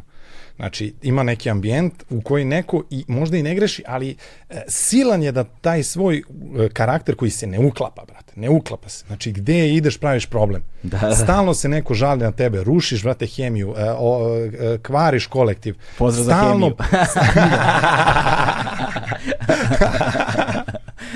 Ovo je bila interna fora. Da, pa jeste, da, da, da. Pa nema, kako da. je njega, ono... Ko će da, da sruši hemiju? Vidi, jedna, ne, jedna od ikona, ono, iz zaštitnih lica GSS, Miško Ristić hemija. Pozdrav za hemiju. Ovaj, i, i, I ti ljudi, kažem ti, ali nema ta većina, jednostavno sistem, i to zovemo sistem, koji je izgrađen, on, on, on istisne ga kao bubuljicu, onako, da, da. Tu, tu individu i ono, baci ga negde na, na, na, na, na ivicu, negde na, na, u zapećak i kao, evo ti sad igraj se sama, ako već nećeš, ono, a vidiš da, da ne može tako kako ti. Da. E, sada, dajde da napravimo osnovnu podelu na, na, na vrste spasavanja kada je u pitanju gorska služba. Kada čovjek, kada taj tečajici, jel te, dakle, dođe čovjek s ulice, neko ko nema nikakvog iskustva, zelen je na svaki mogući način i emotivno i s iskustvom i znanjem i tako dalje, bez obzira da li ima prethodno iskustvo u nekoj drugi disciplina ili nema, kada završi taj osnovni kurs, oni su zvanično šta? Oni su spasioci pripravnici ili tako nešto? Spasilac pripravnik. Tako je, spasilac pripravnik i onda oni moraju prvo da polože taj neki kurs, test, dakle, nakon završenog osnovnog kursa, oni imaju neko polaganje znanja, Jeste, to, test, je, tako? to je test. E, zapravo, u tom trenutku se još kurs nije završio. Tek da. kad, se, kad se završi polaganje testa, tek se tad završio, završio kurs. Test je dosta rigorozan ovaj, i nakon toga kad se to završi, ono što sledi tečajcu, mislim, opet moramo, to je tebi Jasne. normalno reći tečajac, ali ljudi ne znaju. Tečajac je polaznik kursa. Da. Vero tečaj, to je možda više u Hrvatskoj i Sloveniji se koristi okay. nego obuka naziv tečaj i onda od toga tečajac i to je ostalo do dan danas mi to zovemo tečajac. Taj tečajac postaje nakon položenog e, ispita, položenih ispita iz više oblasti, pripravnik i kao pripravnik ima obavezu da ode u jednu zimsku smenu te sezone. To, to je ono o čemu je pričao da. Paroški. Ovaj, nakon toga ima još neke obaveze, jedno letnje dežurstvo i kao nekoliko nekih drugih dežurstava gde mi isto prikupljamo malo informacije kakav je on, kako se ponaša da bi praktično ovaj već uh, u toj godini mogu da krene sa specijalističkim obukama ukoliko želi. Da. Dakle, to je taj pravac gde on, on širi svoje, da kažeš, uh, gde on sebe diferencira šta želi da bude u okviru GSS-a. Da. Puno ljudi želi da bude jako u više pravaca, ne samo da. jednim, ali ono što ti je zanimljivo to je da ukoliko je neko dobar skijaš i koliko ga to zanima, on ima priliku da na kraju prve smene, te što je došao kao tečajac, polaže skijanje, koje je dosta rigorozno, mislim možemo da pričamo posle o tome. A, ako je položio ovaj skijanje, on postaje, on stiče uslov za dežurstvo na ski stazama, što znači da on tog dana dobije jaknu GSS. Inače, do tog trenutka on u civilnoj odeći zajedno sa nama spasioca i to je, ja mislim, jedan od najsvetijih trenutaka Jest. u razvoju karijere GSS-a. Kad tebi neku smeni da jaknu da je nosiš. E, to je, me, naježio sam se od osjećaja. Nemaju pravo da je nose, samo je gledaju. Da. Nemaju pravo da nose ni jedno službeno obeleži. Da. Oni su u civilu. Imaju službeni ski pas, tu su, deo su ekipe. Imaju radio stanicu čak. Da, da.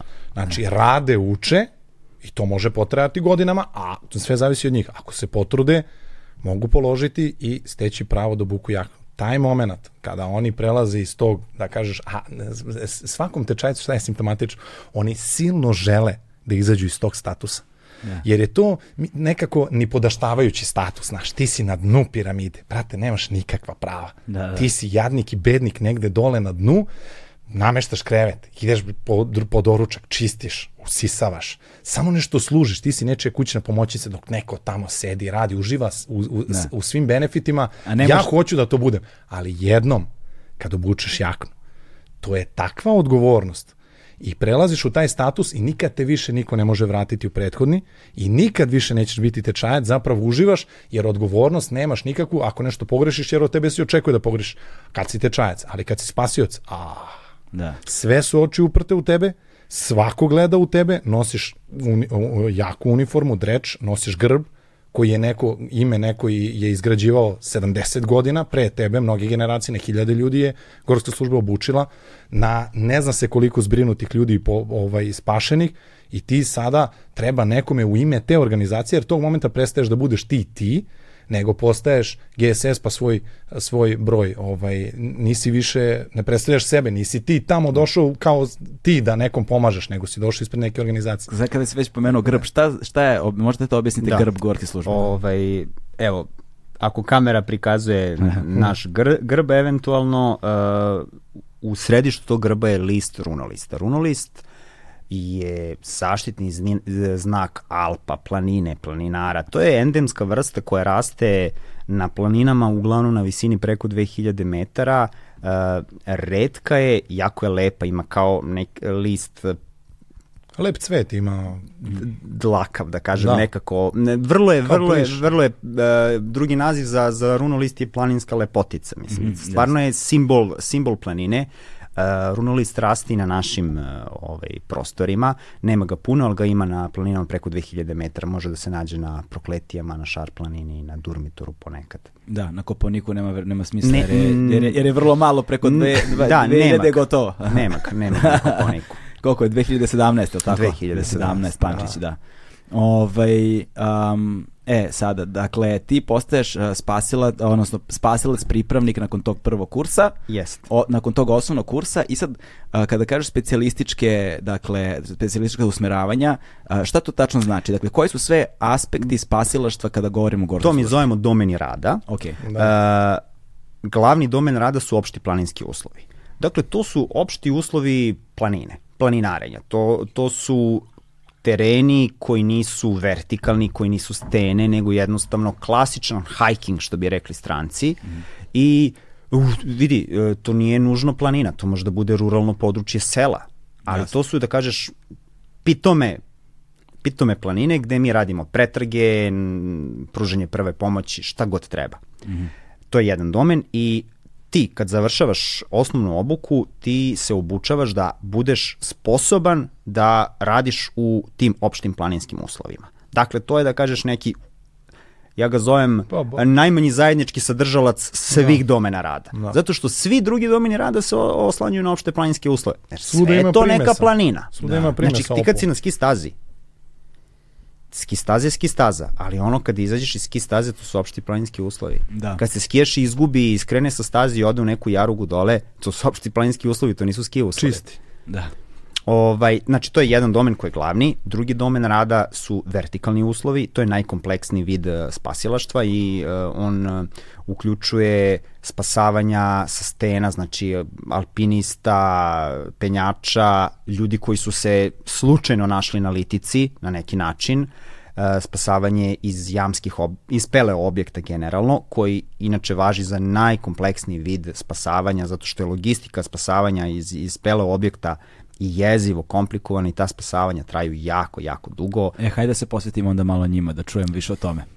Mislim, znaš zašto mi je fascinantno? Fascinantno mi je zato što to je ono gde ti zapravo, gde, gde prosječan slušalac naš može da počne da nazire koliko je kompleksna stvar biti gorski, spa, gorski, gorski spasilac.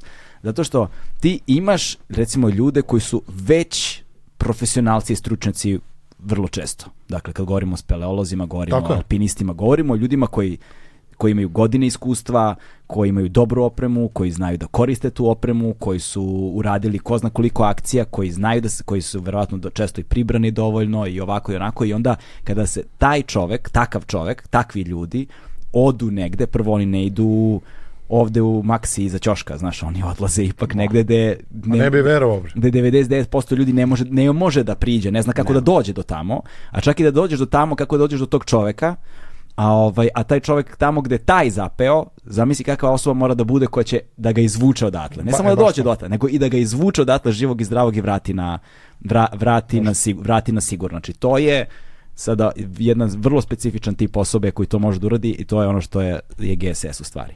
E sad me zanima da malo bliže objasnimo recimo to, vertikalna spasavanja. Vertikalna spasavanja, ha, odakle tu da ti krenem. Sad, Počet nekog pa, primjera, recimo. Primjer je uvek dobar početna tačka. ovaj, spelo spasavanje. Znači sad ti uzmi sam taj ambijent da si u, u nekoj rupetini, vertikalnoj, na 50 ili 100 metara ispod zemlje, nije ni bitno, gde ti se desi prelom noge. Znači, to je samo po sebi... Šta ćeš da radiš? To je, Šta ćeš da radiš? To je, to je toliko nezgodna Koga stvar. ćeš da zoveš? Ako imaš telefon uopšte. Ha. Znači, vidi sad, šta se tu dešava? Dešava se da nikakvom magijom ti ne možeš brzo odatle da budeš izvučen. Zato tim spasioca koji dolazi, ako kad primi uopšte poziv, naš tim spasioca, speleo spasilaca, koje, znači da bi bio speleo spasilac, prvo može da bude speleolog, to ti je, to ti je jasno. Uh, najveća nauka u celoj toj priči je da ti imaš tim ljudi koji zna koja je metodika izvođenja spasilačke operacije. Znači, to nije samo stvar doći do čoveka. Tu mora da bude lekar, mora, uh, mora da se unapred isplanira kako će se sistemi po, postavljati. Tu imaš Za izvlačenje. 15-20 sekvenci izvlačenja. To traje sve. I to mora da se vežba. Mi svake godine imamo jednu ili dve speleo spasilačke vežbe, gde imamo nekog markeranta koji glumi čoveka koji se povredio, javi poziv na dnu od nekih naših poznatih jama. Kao na primjer, koje su naše najpoznatije jame? Uglavnom na Miroču ovamo idu. Miroč ti je pun, tamo, da. pun planina. Sad, ja se ne bavim speleologijom, ja sam više iz penjačke priče, pa ne mogu da ti da, da, kažem, ja. ali ovaj, na Miroču ih imaš, ne znam, nekoliko speleo, uh, speleo objekata koji su onako baš, baš. Dobro. I Znaš ti, kad dođeš na tu vežbu, evo ja kao neko ko nije spelolo, kad dođem na tu vežbu i kad vidim koja logistika stoji iza toga, znaš, koliko tu opreme mora, tona opreme zapravo opreme... dođe, koliko metara užeta, znaš, to je, posle mogu da ti napravim paralelu sa spasavanjem u steni, koje realno uh, realno malo prostije. Da. da. Ovaj, e, znači tu dođu ljudi, ti moraš da imaš ono kompletnu organizaciju, štab spasavanja, ne znam, to to to je da, to da. to je uh, komunikaciju, razlačenje, razlačenje veze, komunikacije sistema, da. koja nije uvek uh, uvek ne, neće uvek da radi radio veze. Da. I onda krene spela spasilačka vežba i ti vidiš da ono krenuli smo ujutru da radimo ne znam u 9 ujutru povređeni na vrhu pomrak već. Ne, ne, ostane se u jami po, po 10, 12 sati. Ima se onaj slučaj u Italiji gde koliko je 3-4 dana je trajalo izlačenje. To, to nas često pitaju, koliko traje spasilačka akcija? Pa, traje od kad Evo, ne počne ja dok ne, ne, ne završimo. Znaš čega sam se sad setio da dam ljudima preporuku? Gledao sam skoro uh, dokumentarni film Nacionalne geografije koji se zove The Rescue. Ne znam da li ste videli taj dokumentarac. 17 anksioznih napada sam imao dok sam ga gledao. Ne, ne zajebavam se uopšte. To je nešto naj... Koje akcije u pitanju? Gledali su, gledali su ljudi možda Free Solo, Alex, da, Alex da, Honnold. E, Alex Honnold Free Solo je ono, znači, film za malu decu u odnosu na The Rescue. U pitanju je u pitanju su uh, ronioci koji su spasavali na Tajlandu one dečake Aha, što su iz futbolskog da, da, tima da, da, pre nekoliko godina. A znaš šta je to? To je speleo ronjenje. To je Spele... još gore od ovoga. Speleo ronjenje je ti je ne ne postoji opasnija stvar je kojom čovjek može da se bavi od speloranja. Najkomplikovanija. To je za nas u, u spasilačkom svetu ubedljivo usamljena na prvom mestu disciplina spasilačka. To je, ja gledam taj, gledam taj dokumentar, evo sad sam se naježio, dok, dok, ljudi gledajte taj film. Dakle, tu uopšte nije poenta ni u spasavanju, ni u toj deci, nego u toj trojci ronilaca jedinoj trojci na planeti da, koji, da, koji mogu, imaju tu veštinu, koji imaju tu veštinu, koji e, mogu da. da rone kroz planinu, Tako. kaže kaže, te, te, te, ta, ta voda, ta reka koja ide kroz njih, dakle, oni ako okrenu glavu na stranu, čupa im masku Struja. totalno. Struja da, da. im iščupa masku, a pritom se provlače da im i leđa i grudi im Češ, češu, naravno, češu naravno, da. stenu. Toliko su uski prolazi. Da. Toliko su uski. 1,8 km duboko su bili zarobljeni uh, njih 14 klinaca plus još četvoro koje su usput našli da. koji nisu ni znali da su nestali.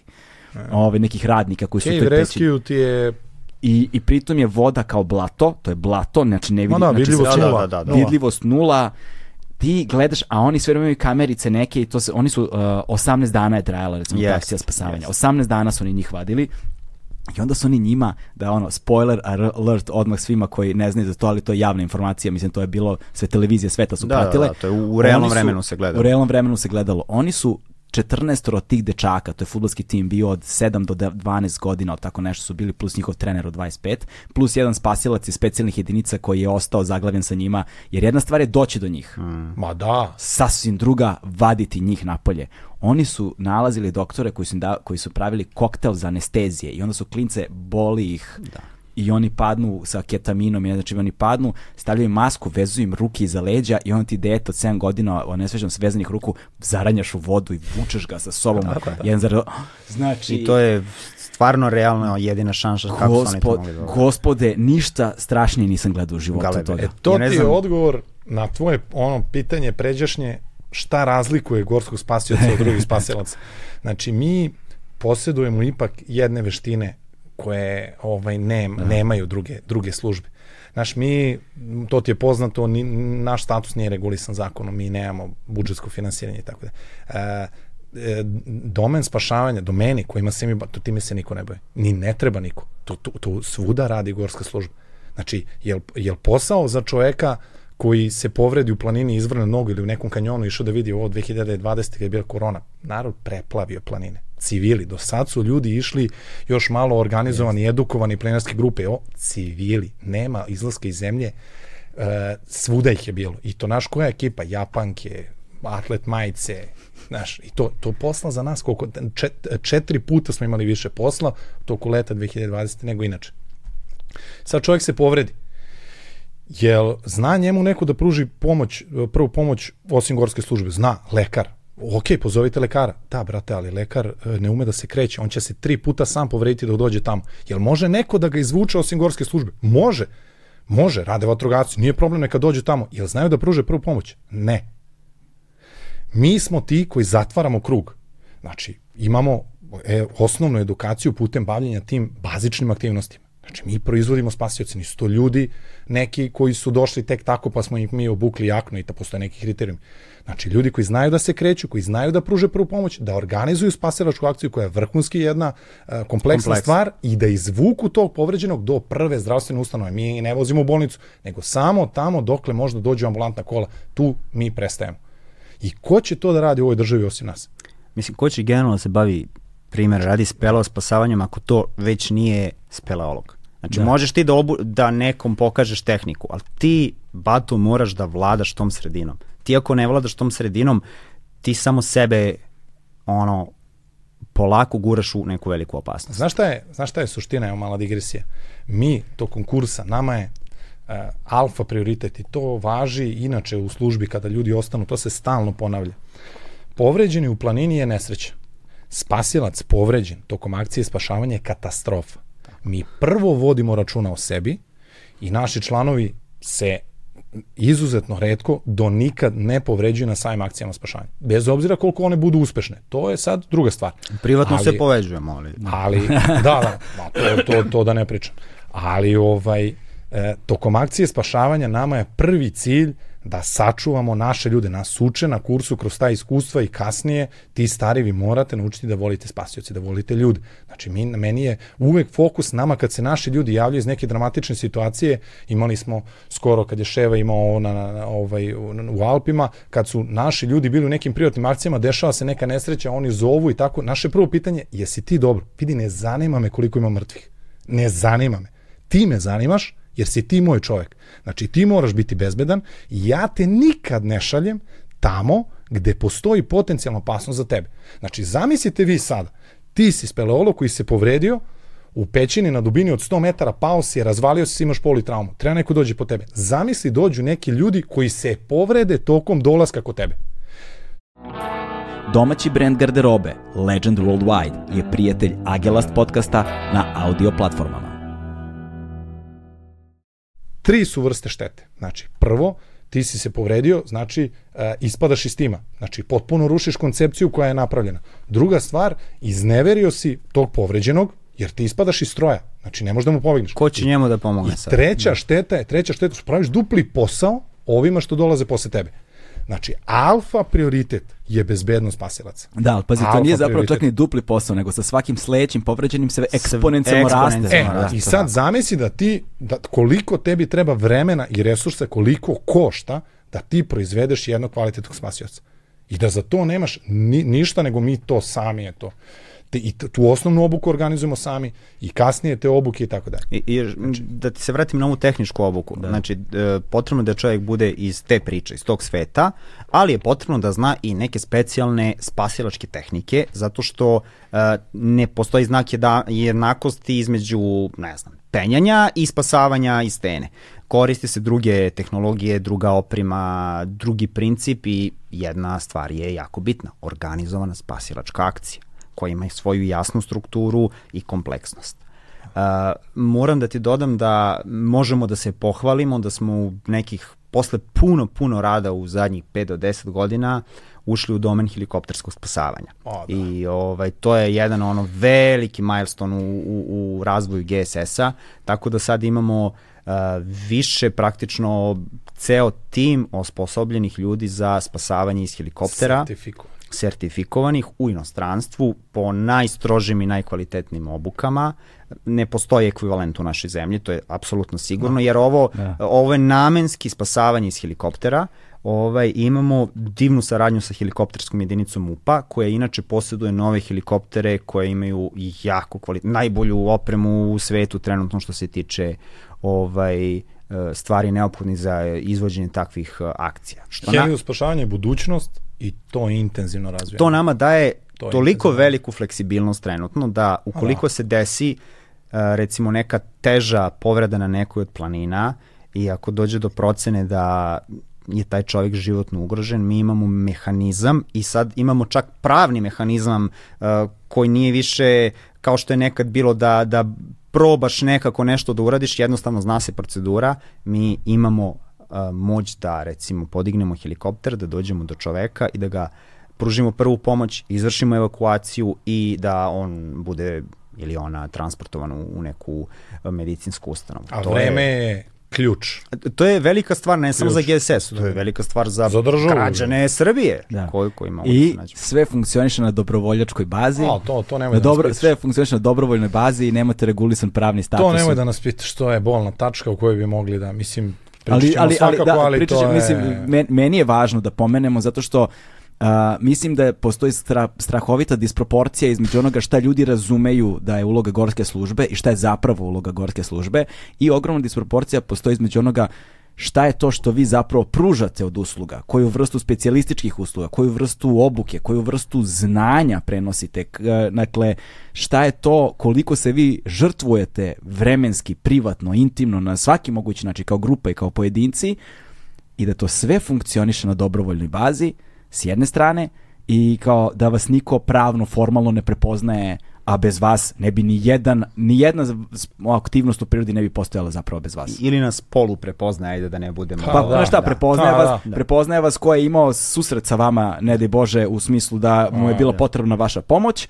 ili neko ko se lično interesovao za takve stvari pa ste imali neku vrstu dodirnih tačaka. Ja govorim o opštoj populaciji koja ono u Japankama ide u prirodu, nemoj bre pojma. Koji najviše nema, trpe, znaš, koji najviše trpe. A koji ima najviše potrebna vaša znači, pomoć. O, oni su gubitnici, ne mi. Mi ovako funkcionišemo 70 godina. Mi možemo da funkcionišemo ovako još 70 godina. Ja. Ali krajnji korisnici će da trpe.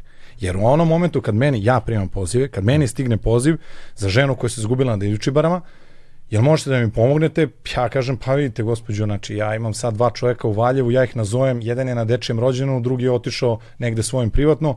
Ja najbliže što mogu to je da poteram ekipu iz Beograda, oni mogu doći za jedno dva sata, ovaj, bolje da ovako telefonom nekako vam pomognem da, da malo vas tu navodim i to. Pa kako ne može, pa kako dva sata, pa nema neko, pa mislim, jel nema, pa jeste vi, mislim, jeste vi državna služba? Pa mislim, nismo.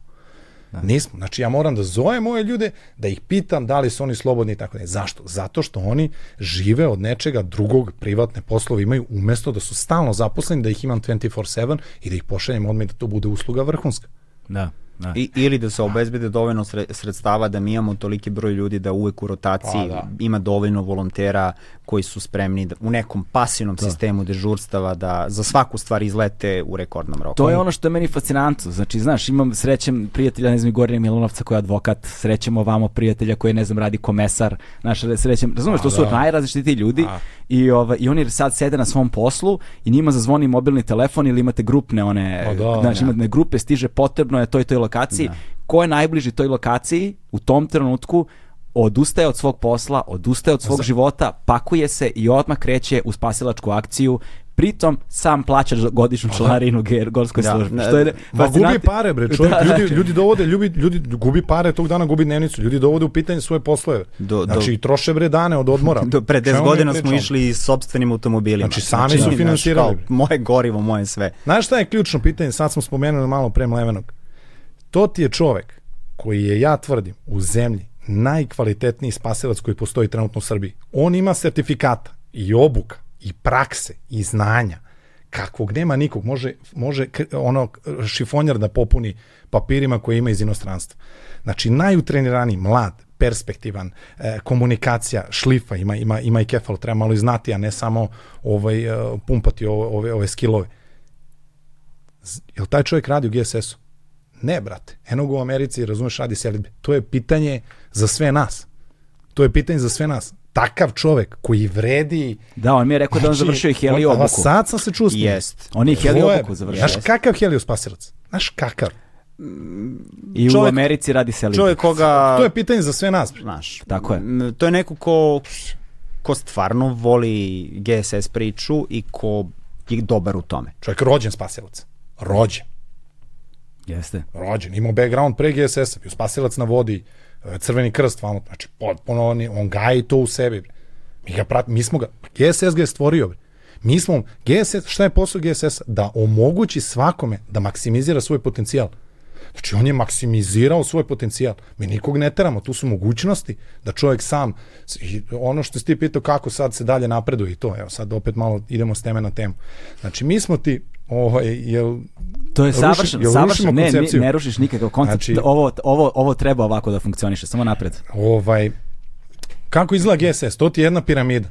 Suštinski, na čemu mi počujemo, to je princip pozitivne selekcije. To je, da kažeš, e, jako dobra stvar, nužno, nužna za nas, ali nam je to malo i kamen oko vrata, jer kod nas ovaj, možda bi malo bolje napredovali, možda bi imali bolji društveni status kad bi kod nas moglo da se prolazi putem preporuka, e, šema, kombinacije intervencija, poziva i tako dalje. E, to nije slučaj, jer kod nas Ovaj Dik je radio na kursu, znači dolazi prva selekcija, to su ovaj ti instruktori su takođe volonteri, peglaju ih, izbacuju ko prolazi, ko je pao. Dolaze nama i tatini, mamini, sinovi, jakvi, onaki, svako bi tu hteo malo, međutim, oni ako nisu dobri, njih ne zanima ovaj, njihova referenca i njihov pedigre, nego ih zanima znanje i to šta su oni prikazali na tom osnovnom delu. Ja sam potpuno ubeđen da je GSS takva organizacija kakva jeste. Mi sad pričamo tu o nekim spoljnim stvarima, unutrašnje, znači odnos između ljudi u GSS-u je vrlo posebna priča, ne znam da, da li ćemo njome ne, da se dotaknemo, je... ovaj, ali da GSS ne bi bio takav da nemamo tu barijeru to je jasna barijera. Kod nas ne može preko veze. Da. I gle sad ovo. To je to. Završi se kurs. Popadalo ih 15, prošlo ih je 20. U pe, tih 15 je nečiji sin koji nama krati put do zakona, završava nam neke bitne stvari, možda je neki jako bitan sponsor, koji je nama od esencijalnog značaja za život. Pao je. Tu stigne do nas, gore. Ja sam sad tu kao neki izvršni organ. Vidimo, ne valja.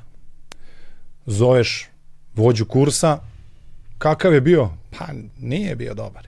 O, paroški šta ti kažem, na, nije, nije dobro, ništa. Opet kreće peglanje, ti opet zoveš.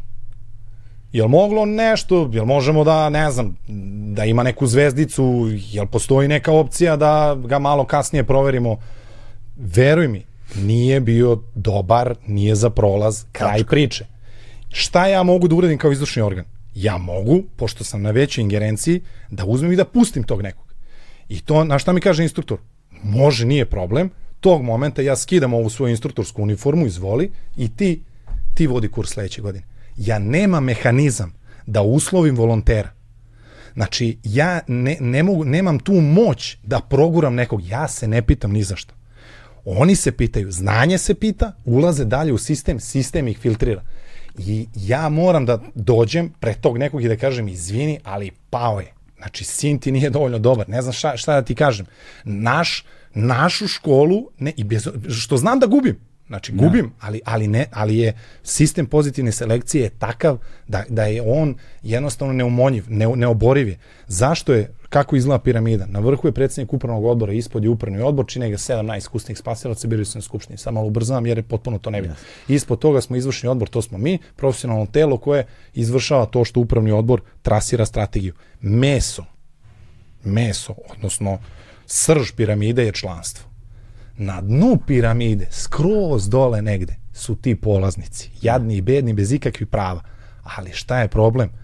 oni su baza, odnosno temelj, fundament. Ako mi krenemo tu da guramo i onog momenta kad neko prođe ko nije, ovaj, to tog momenta kreće da truli temelj i kad krene da truli gore džabe sve, raspašćemo se svi, sutra će neko da pogine prilikom akcije spašavanja, sutra će neko nekog da ubije, sutra će neko da napravi neki problem, ovaj, i kad budeš počeo da odmotavaš klupko, vidjet ćeš da ga je pušten ovde, da je tamo, da je ovde, prošao, da je ovde, i jednostavno mi te luksu sebi ne možemo da dozvolimo. I iz tog razloga smo tu gde jesmo, sada, na ono društvenoj margini, gde ovaj, jedan, jedan od razloga, jednostavno. I kako se napreduje, to si teo da pitaš, kad se da. završi kurs, kako se napreduje? Mislim, mi se svi poznajemo. Ne postoji šema, kod nas ti onda ulaziš kad stekneš jaknu, onda izlaziš iz tog nesretnog statusa tečajca, koji je u stvari jako jedno blagosloveno stanje, jer imaš nultu odgovornost, ulaziš u jednu ekipu ljudi koji ipak nose neku odgovornost. Ali, i... to, je, ali to je fora što ti dolaziš odgovornosti nula, odmah sto. Znaš, nema između, ti si obuku jaknu i ti si odgovoran. Tako je, ali ne puštamo ih same.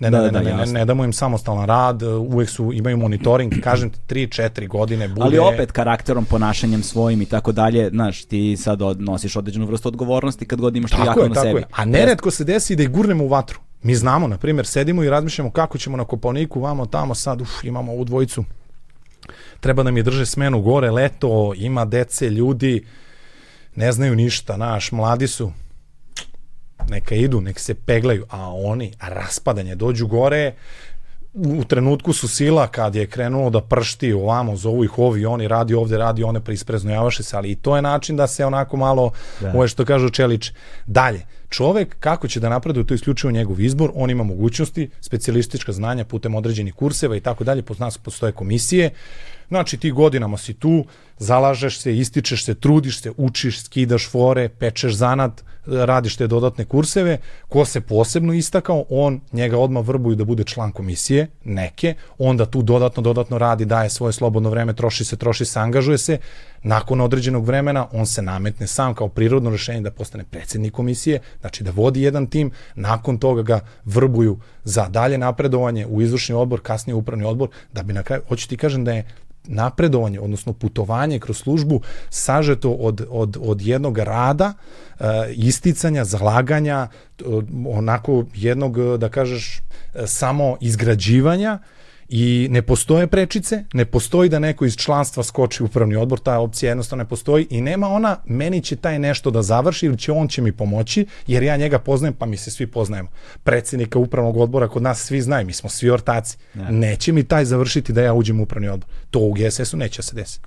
Tako da kod nas prečice ne postoje, Da, je, i to je, E, to Nisam je... ti završio domene. Znači sve, ne, ne, ni, nismo, jednostavno smo odlutali iz priče, da, da. a da bi završili, da kažemo, tu temu, imamo spasavanje u opštim planinskim uslovima, imamo spaš, spasavanje na uređenim skijaškim terenima, mm -hmm. kao drugi domen rada, imamo spasavanje u vertikalnim uslovima koje sam pomenuo, gde spada i heliospasavanje, kao da. novina, i imamo um, jednu novu granu, a to je spasavanje na brzim vodama. Mm.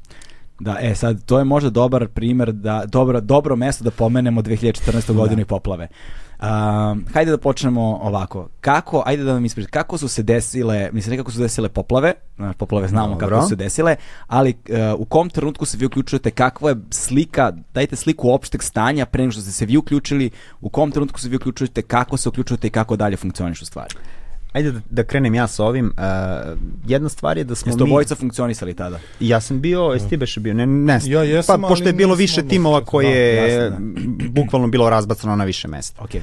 Uh, Inače, mi imamo vrlo usku i blisku saradnju sa sektorom za vanredne situacije. Pot, potpuno prirodno i ovaj nas sektor za vanredne situacije angažuje kad su neke stvari ovaj poput tih poplava, o, kad postoji opasnost I tih dana je rasto, e, rasto nivo vode i mi smo angažovani od strane sektora za vanredne situacije da podignemo jedan tim i taj jedan tim je bio da li u Čačku ili ja, ja više ne mogu jeste, da se setim. Jeste, to je, je na skroz drugoj strani. To je pre Obrenovca. Znači krenula je Uh, i Morava je. i ne znam šta još krenulo je da se da se da plavi. Da, da plavi i mi smo tamo bili u nekoj pripravnosti sa vatrogascima, sa ljudima iz sektora za vanredne situacije.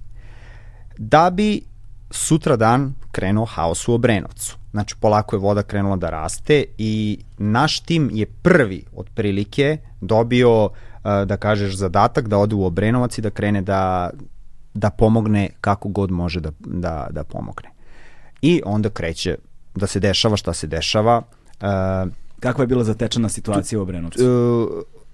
Pa, pazi ovako, katastrofa, pr prvo da ti Mislim... kažem da je to bio jedan šok za sve ljude. Ja mogu da ti pričam kako sam ja doživao to kad sam došao tamo. Uh, jedna stvar koja se desila jako važna je naša neki spontani vid saradnje sa, sa radiomaterima. Da, oni su, da, imali jako bitnu ulogu. E, zbog toga što su oni imali infrastrukturu, repetitore, mi smo koristili naše radiostanice preko njihovih kanala i oni su u isto vreme streamovali online tu komunikaciju. Jer je pukla komunikacija, to je ključan moment. Ništa nije radilo. Mobilna telefonija... Nema informacije iz nema, Brenovca, uh. Nestala je struja, akumulatori na baznim stanicama su se ispraznili, znači kraj. Ništa, ništa, ništa, ništa. ne radi.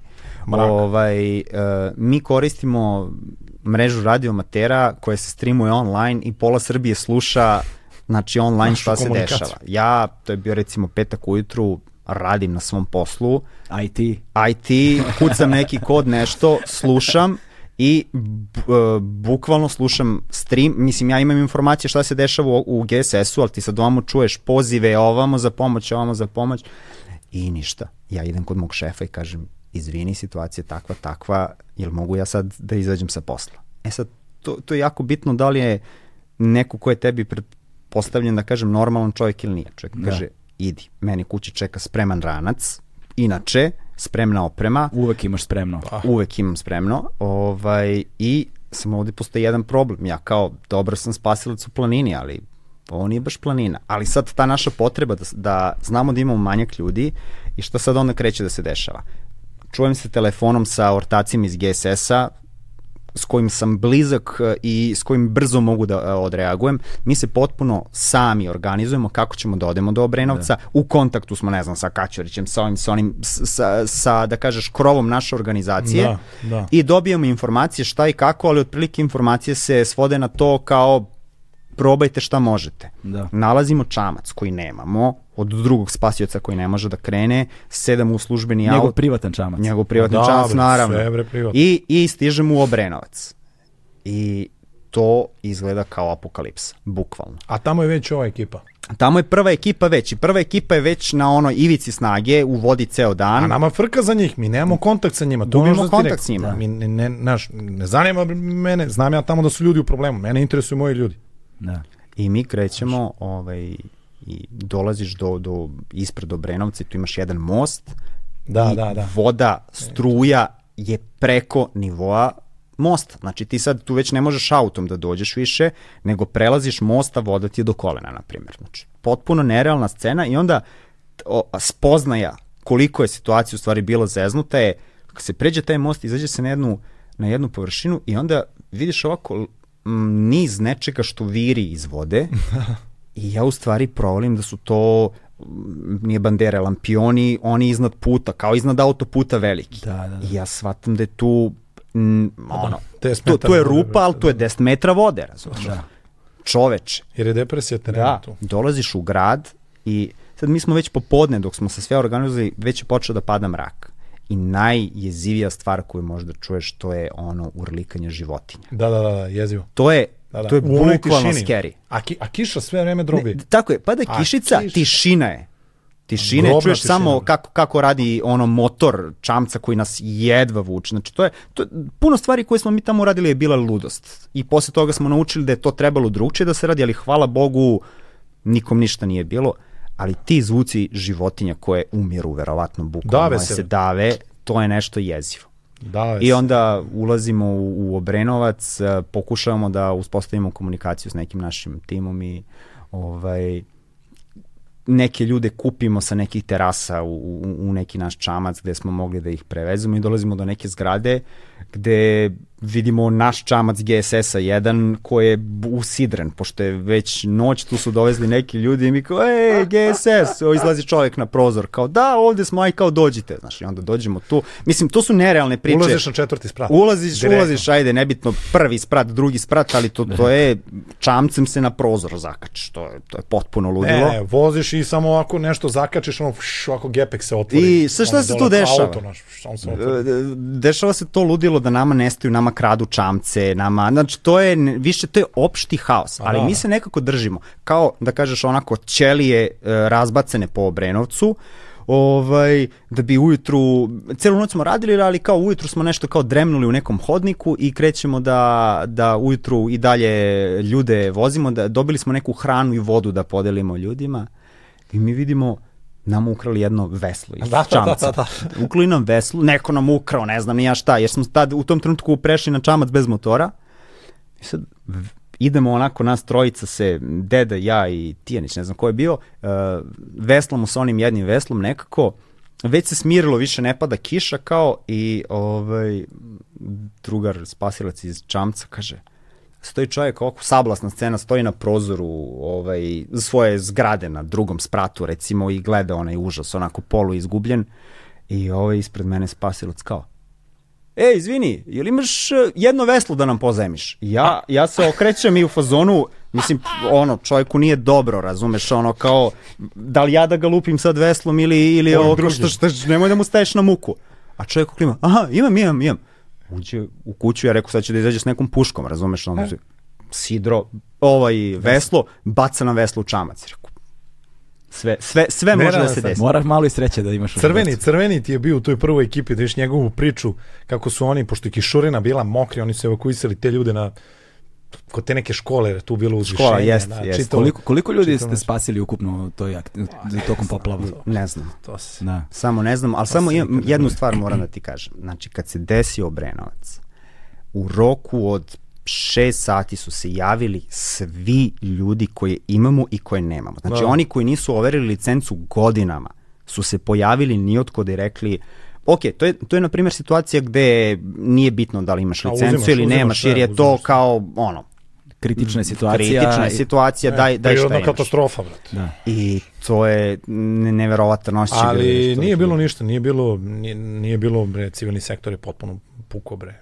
Nije bilo štaba, Niko nije bilo komunikacije, nije, nije to. Nije noću kad smo radili mi smo u tom prvom ni, ja, ja, ja sam došao, svi drugi su bili parkirani.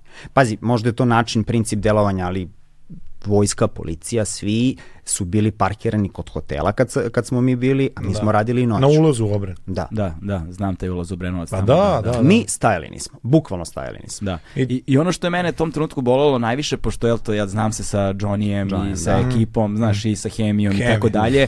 I ovaj, ja sam tada dobio informacije ovaj, šta vi zapravo radite. Znaš, kao, i tada sam dobio Johnny-a priču o radio, o radio amaterima i cela ta komete, način na koji su radio amateri i gorska služba zajedno funkcionisali da. i odigrali jednu ključnu ulogu u poplavama, yes, yes. a onda uključiš TV ili gledaš, pratiš vesti, pratiš ovo i pratiš sad, znaš, imaš ove akcije gde su se svi organizovali za pomoć i ne znam, po ono, Beogradski sajam, ovamo, namo, prekupljala se pomoć za civile, za, za spašene, za, za, za ljude koji su izvučeni iz tih situacija i tako dalje to je jedna, to je jedan krug informacija koje dobiješ interno što su ljudi po firmama, agencijama, što te ja znam organizovali, ali s druge strane imaš zvanične informacije ono predsednika države, ne znam ovoga ili onoga i ti vidiš potpuni izostanak, nigde niko, ni jedan jedini put, ne da sam barem ja primetio, nije pomenuo GSS. Da, da, mi smo i navikli na to, iskreno. Da, pa da. znam da ste navikli, ali zato sad pričam o tome, znaš, zato što ja sad imam prostor pa mogu da kažem. I ovaj, i meni je to tada, tada sam ja zapravo prvi put tad, tad ste mi prvi put ono da se ja da se ja sećam da sam da sam ja upamtio gorska služba spasavanja kao nešto značajno čemu niko u javnom prostoru nije posvetio dovoljno pažnje u tom trenutku. Znaš, i to je nešto što je mene tad zabolelo i neka nepravda koju vučem kao od, od, od tog perioda još uvek, znaš. Ove, I to ono što mi je Johnny pričao i, i ostali, o, ostali GSS-ovci koje znam. Mada je to jedino. Bila je to ozbiljno dobra akcija. Mi da. smo, mi smo da. posle Obrenovca shvatili u stvari koliko smo dobri. Mislim, glupo zvuči, ali da. stvarno je tako. Znači, ta sva obuka koju smo imali, e, način organizovanja spasilačke akcije, mi smo ga primenili na nešto što nikad nismo da. u životu. Na domen koji nije, nije naš. Nije naš. Smo mi primenili prva reč vašeg imena da. Gorska. Yes. e, kakve vode. Bre. Olakšavajuća da. stvar u celoj priči je da Inače, u službi imamo puno članova koji su ozbiljne mačke u svetu ronilaštva, uh, kajaka na brzim vodama, tako da, da su da. to ljudi koji su nas uspeli dodatno nakon cele te priče da edukuju, da mi napravimo posebnu granu, da kažeš, unutar GSS-a koja se sad bavi spasavanja, spasavanjima na brzim vodama. Znači, to je vrlo, vrlo kompleksno spasavanje. Bujične, uglavnom. Na, na, na kojim nivou, mislim, zna, kolokvijalno zvuči kompleksno čim izgovoriš brze da. vode, znaš, i sad već mogu da zamislim, ali opet je to neko moje ono laičko posmatranje toga. Šta pretpostavlja obuka a, a, kada govorimo o spasavanju na brzim vodama. Kako to sad izgleda? Kako to danas izgleda? Ste prisustvovali tim obukama? Ja iskreno ti kažem nisam, da. ali e, kao neko ko je pratio domeni tog rada, mogu da ti kažem da te obuke se uglavnom završavaju u Bosni i Hercegovini ili Hrvatskoj. Mm, da, Oni imaju, uh, Hrvati imaju dosta, na primer, uh, jaku službu koja se bavi spasavanjem na brzim vodama. Inače, mi imamo fantastičnu saradnju sa Hrvatskom gorskom službom spasavanjem, sa HGSS-om. Pozdrav za HGSS. Da, ovaj, i na, na brzim rekama naši ljudi tamo, ide sam gledao nedavno snimak sa početne obuke, znači to ono, da. kao nulti nivo i kao, kao na dnu piramide. Jeste na dnu piramide, u suvim modelima si u pod, znači nisi ni u neoprenu, nego u apsolutno suvim modelima koje, u koje uopšte ne ulazi voda. To su ona hidrofobna, li tako? Pa, ja, ili, ili, zovu, ili su zapravo samo zatvorena, zovu se, su, zovu se suva odela zato što voda uopšte ne ulazi u njih. ne Na, ako neoprena voda uđe... Pa se vode, pravi tanak sloj koji... Tvoje telo zapravo zagreje vodu koja je u neoprenu. Aha, aha. Ovaj, ali za, za ovaj domen spasavanja je potrebno suvo odelo koje je inače jako skupo. Cela oprema za spasavanje na, na, na brzim vodama uopšte nije jeftina. Ali I sad prelaze, sad ne znam da li je to bila Una, da li ne, ne, ne, ne znam koja je, koja je reka bila Neretva ili šta već, i sad ja gledam snimak kako uh, trebaju za početak jedna od vežbi da pređu s jedne obale na drugu obalu. I sad ti vidiš, ti vidiš da je to brzo, oda, ali kao mogu ja to, znaš. I ja vidim kako kreću jedan po jedan čovek. Znači, uđu tipa širina reke 15 metara, A 20. dobri plivači. Svi su dobri plivači, to je kao preduslov i kao uđu u vodu i vidiš kakvih matica i oni kao daju svu snagu da preplivaju na drugu stranu, ono kao matica ih 100 metara dole baci. Baci se, plivaju i izađu 100 da, metara dole. Da, neverovatno. Znači, to je, mislim, potpuno, imaju, Hrvati imaju poligone stravične. Mi smo e, sad kod njih preko nekog projekta bili na, imali smo kvotu za basic da obučimo neki broj ljudi plus neki za advanced, znači to je taj Rescue 3 neki model koji je prihvaćen svuda u Evropi, naravno u Srbiji nije, to ne postoji ovde. Mi vas da te te inostrane sertifikate skupljamo ovaj I to, ali, to nas čini Znanja su, ispred. znanja su dragocena, znači to ne. Mi smo članovi tih nekih velikih međunarodnih organizacija da učestvujemo na tim kongresima da se na tom bara bar nivou ovaj razmenjuju ta spasilačka iskustva jer to je krem, to je kao na primjer da ono igraš u ligi šampiona, ti si sad član ne znam neki međunarodni te ljudi koji se time bave, znači od od Amerike do do, do skroz ovde do do Islanda, znači se okupe i debatuju. Znači, stvarno razvijaju, ti si deo te ekipe, znači, ne nešto sad mi ovde na nivou da, da. Srbije i Balkana, ne, mi razmenjujemo iskustva. Mi smo 2000, uh, pa sad već, ko je, kad smo mi u FIPS, pa ima, pa ima godina već. Peš, peš ima, godina. Ima, više, uh, ima ta uh, međunarodna ovaj, organizacija, federacija koja ob, ob, obuhvata sve ski patrolere mm -hmm. na celom svetu. Znači, u, u Kanadi je sedište i sad, znaš ti, kakva skijališta u svetu postoje i kad ovaj se organizuje taj neki seminar ovaj koji traje jedno 3-4 dana bio te godine u Francuskoj i mi te godine se učlanimo, apliciramo, učlanimo se i odemo mi bio tu u Francuskoj, nama je u kući blizu došli Argentinci, Amerikanci, komplet Francuzi, Italijani, znači ljudi prekaljeni ski patroleri. I mi, a sad mi najviše tu da kažeš što radimo. Mi 1200 intervencije imamo na skijalištu godišnje i tu mi u stvari skupljamo tu, tu praksu koja je najdragoceniji resurs koji postoji. Znači na živom primjeru, u pravoj, u realnoj situaciji radiš od uganuća malog prsta do spiralnog preloma, do, da, do nekih politrauma kao što smo imali ove godine da je ovaj, na kraju bude letalna ishod, nije ni bitno. Ovaj, uh, I mi pošaljemo, crveni bio, crveni Peđa Milošić. Tako je. Tako, crv, crvenka pa bre, on je bre naš ovaj, isto vrstan spasilac, vođa kursa toliko godina, znači odličan. instruktor. Ovaj, da, da, sad je upravno odbor. Da. Zašto? Bio je on upravno odboru i on omad. Ja jeste, jeste, jeste. Dugo je bio način Da. da. Zašto on ne radi u GSS? Alo. Ja, da ti se vratim. A čime se on bavi? Ma, a, da, advokat a, pravnik, Pravnik, pravnik, pravnik. A, Da se vratim samo na brze vode, ovaj, znači, dosta širimo tu granu, edukujemo ljude i e, nešto vezano za to, na primjer, posebnu pažnju smo u zadnje vreme posvetili recimo spasavanju iz kanjona, pošto ja lično se bavim kanjoningom i da, da, da. sve više i više ljudi se bavi, postoje da kažeš komercijalne ture koje vode ljudi u kanjone, uh, a kanjoni su jedno od najnepristupačnijih mesta gde običan čovjek može da bude. Po meni i najdivnija, zato što vekovima su ti kanjoni bili. To, to nisu veliki kanjoni. Ja ne znam da li, da li gledaoci i ti možda imate i, e, predstavu. To su kanjoni koji su, to su neki planinski potoci koji nestanu u liticama, obično je širina od nekoliko metara do maksimum nekoliko desetina metara, pa se ti spuštaš niz vodopade, skačeš u neke...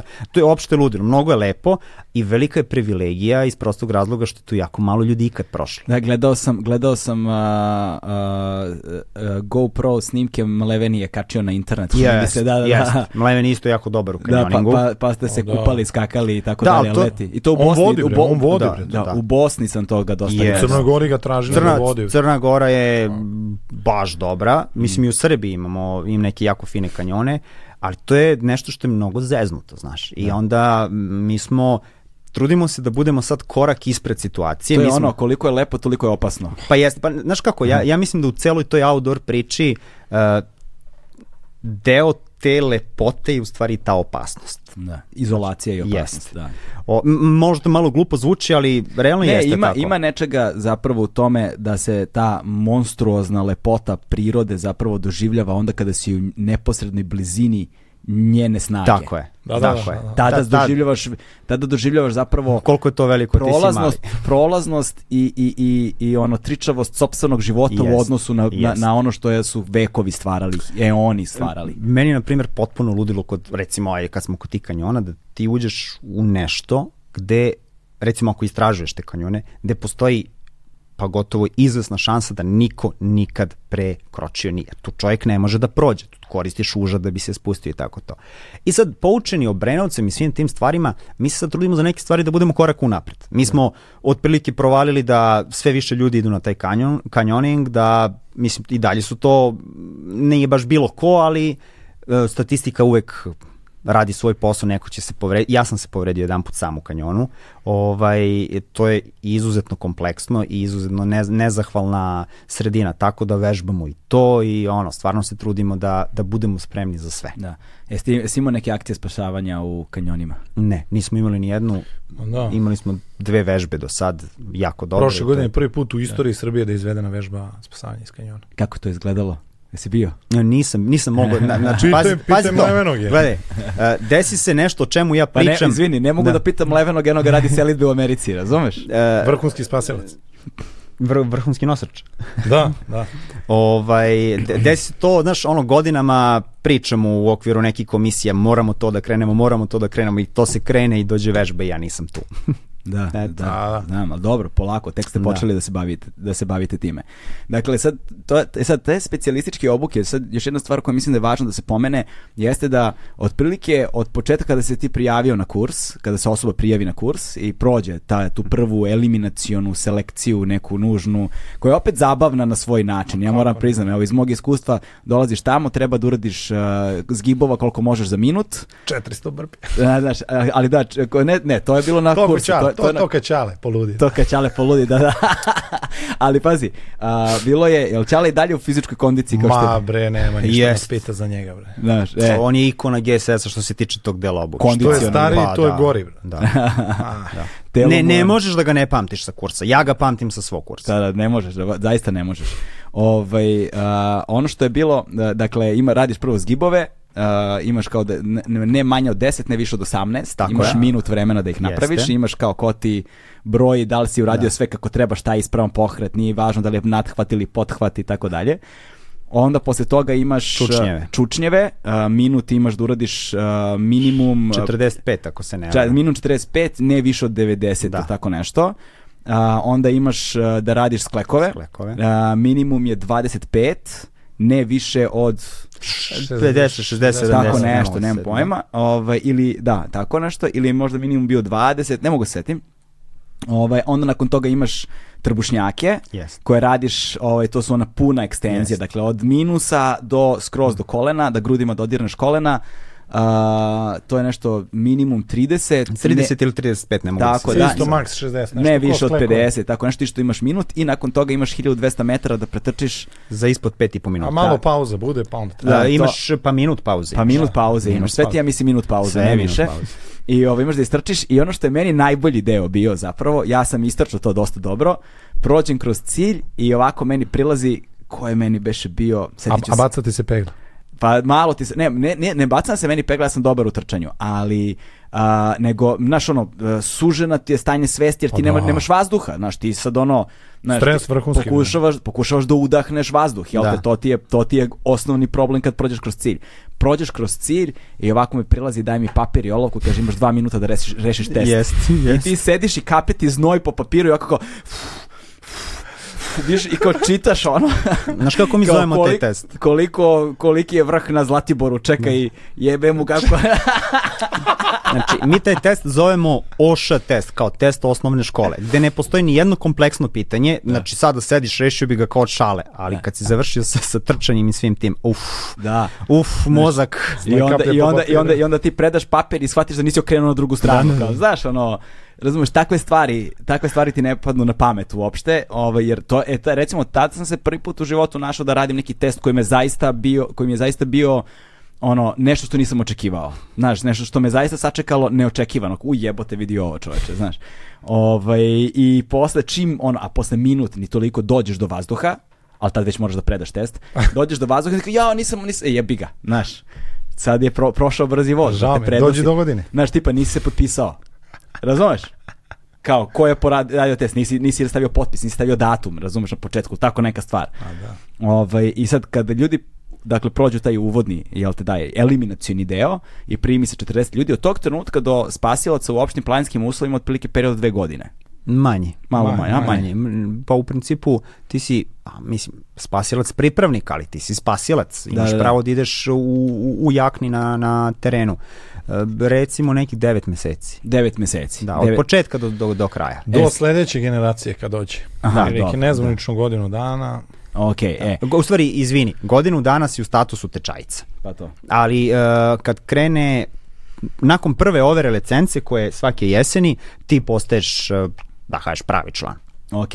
I Sad ovaj... se sve to malo promenilo, ali da, da ne komplikujemo jasno, priču. Jasno, E, a onda nakon toga, ovaj, specijalističke, koliko svaka otprilike uzima sad da kažemo, ono, sad hoću ja da budem spasilac u vertikalnim uslovima. E ovako, to mogu da ti kažem uh, vrlo stvar. Da, ako ti hoćeš da budeš spasilac, e, spasilac u vertikalnim uslovima, mi tebe pitamo, pa dobro, čime se ti baviš? Ti kažeš, ne, bavim se ničim, mi ti kažemo, vidi ovako, imaš uh, alpinističku obuku, ne znam, alpinističkog odseka tog i da. tog, no. alpinističkog odseka Beograd ili nekog drugog, od sad do tad idi tamo, mi ti e, refundiramo troškove ili pola troškova nije bitno, mi te neko, neko eksterni te za tu bazičnu aktivnost blago obuči, pa ćeš ti onda neko vreme sa nama da e, s društvom da penješ, da ovo, da ono, e onda postoji šansa da naredne godine dođeš na kurs spasavanja iz stene, gde ćeš biti neki pripravnik, opet levo smetalo, ali da dođeš do toga. Znači, to je ipak put koji traje nekoliko manjih obuka i opet treba nekoliko godina za to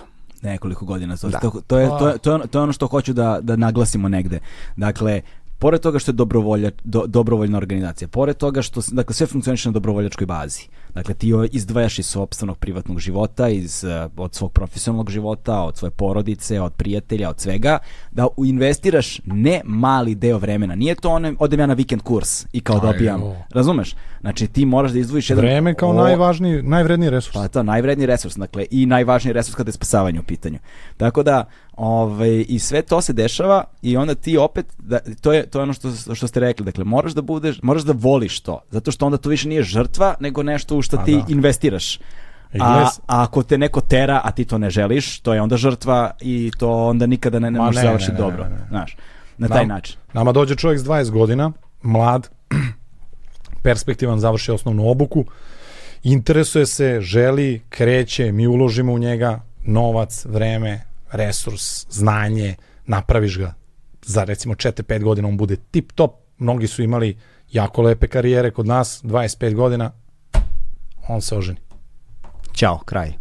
dobije dete, Znaš ono, kad beda zakuca na vrata, ljubav izlazi kroz prozor. Tako je. Vidi, znači, ni te jame, ni pećine, ni što od toga ne plaća račune. Tako. Nažalost. Tako da. da ljudi dođu, zahvale se, jednostavno nestanu. Znaš kakvi potencijali. Da. Znaš kakvo rasipanje ovaj, resursa. resursa. Da. Zašto? Zato što nemamo sistemsko rešenje. Da. U životu spasioca ja mislim da je upravo najveći problem taj balans između ljubavi prema GSS-u, porodici i poslu. Taj balans je ekstrem, to je hodanje bukvalno poštrici noža. Da li ti znaš da ljudi su u stanju da toliko vole GSS, on, oni izgube posao, plaćen. Neki su i brakovi propali. Da. Znači, to, to, to je neverovatno. To je ne, meni su ljudi pričali da su im žene bukvalno rekle ja, ja, ja, ovako, ja ovako više ne mogu. Da. Znači, ja ovako više ne mogu. Ono, ali nije to kao žena naš pa bolesno traži pažnju i to. Imaš obavez, imaš decu, treba da ono odvodiš, dovodiš, treba da odeš na neki rođendan, nešto. Znači, ili ja ili GSS. Kao, žao mi, ali Ja. Moj izbor većina u tom slučaju uspeva da balansira. Da. da. većina da, da, ne, ovo su ekstremni slučajevi. Jasno, jasno, ovo su ekstremni slučajevi. E sad kad smo, kad smo se već dotakli toga, ono što je dugo godina bila tema, čini mi se da ste rešili na neki način, uh, dugo godina je bila tema uh, žene yes. u gorskoj službi da. spasavanja. Ovaj, kada sam ja bio na kursu, još uvek nije bilo žena tada. Sledeći kurs koji sam ja vodio je prvi kurs sa ženama. Da. Kako, kako ste ovaj kako ste se kako ste to regulisali, kako ste se kako ste se na to adaptirali, pošto ono što je uvek problematično govoriti u ovim okolnostima jeste da ipak uh, gorska služba zahteva određeni stepen fizičke spreme i ono minimum zahteva fizičkih koji nisu jednostavni, prosto nisu, znaš, i onda uh, ka, na koji način ste uspeli da se adaptirate i da prilagodite svoju službu i kao da imate žene spasioce sada? Pa ovako, e, to je zaista bio jedan moment e, dosta važan a, i ja mislim da je to bio korak u napred, mm -hmm. jer e, ne možemo reći, nije to do tada bilo mi žene ne primamo. Nije ne. to nigde pravilo stajalo izrečito na papiru, nego jednostavno gorska služba je funkcionisala u tom svom nekom domenu i to je tako jednostavno bila zabava za, za, za momke, što bi rekli. Međutim, pojavilo se pa, paralelno sa tim sa tom potrebom da se žene uključe se pojavilo i interesovanje žena za to. Da, da. I onda se eto to postavilo pitanje kako da ih ovaj kako da ih uključimo i one su ovaj išle na te kurseve, to može Diki da priča, ovaj ja mogu reći da je eto samo taj faktor uh, te fizičke snage gde one prirodno, što je sasvim normalno ovaj, u nekim segmentima, jako redkim i malim, ne mogu nama da pariraju. Ostalo što se tiče znanja, veština, one su barabar. Za sada, za sve ove godine, kod nas u službi su se pokazale jako korisne. Mi smo čak mislili da će one biti samo tu neka administracija, PR, ovo nešto što dobro rade, te pozadinske poslove i tako dalje. Međutim ne, one su se pokazali kao jaki terenski terenski radnici ovaj koji imaju visoku etiku, sve te uslove koji prate taj naš rad, a to je teren bez tojih, ovaj, da kažeš, stvari koje ono, su ne. komfor neki i to, ovaj, da ih sad ne nabrajam, sve su one to ishendlale, čak i to muško društvo koje je onda dominantno, znači to bude jedna žena u 20 muškaraca, možeš misliti koja je njoj zabava da sluša te priče i to, čak se Kako tu, izgleda u, u S kući druženja. da, mislim, a ne, involviraju se one, mi ih zovemo kao ortaci, znači, i one su popile nadimke, znači, da. potpuno isti ovaj da. tretman imaju i mi smo pre, prema njima ono, dosta otvoreni ovako, evo ja sam sad u Italiji, radili smo neki projekat, Vodio sam ekipu, znači bilo je nas devet u kombiju, osam, osmorice nas i jedna žena. Mm -hmm. Mlad spasilac i tako dalje. Znači imali smo neke testove, nosili smo neka nosila uzbrdo po planini, vidi, raspala se.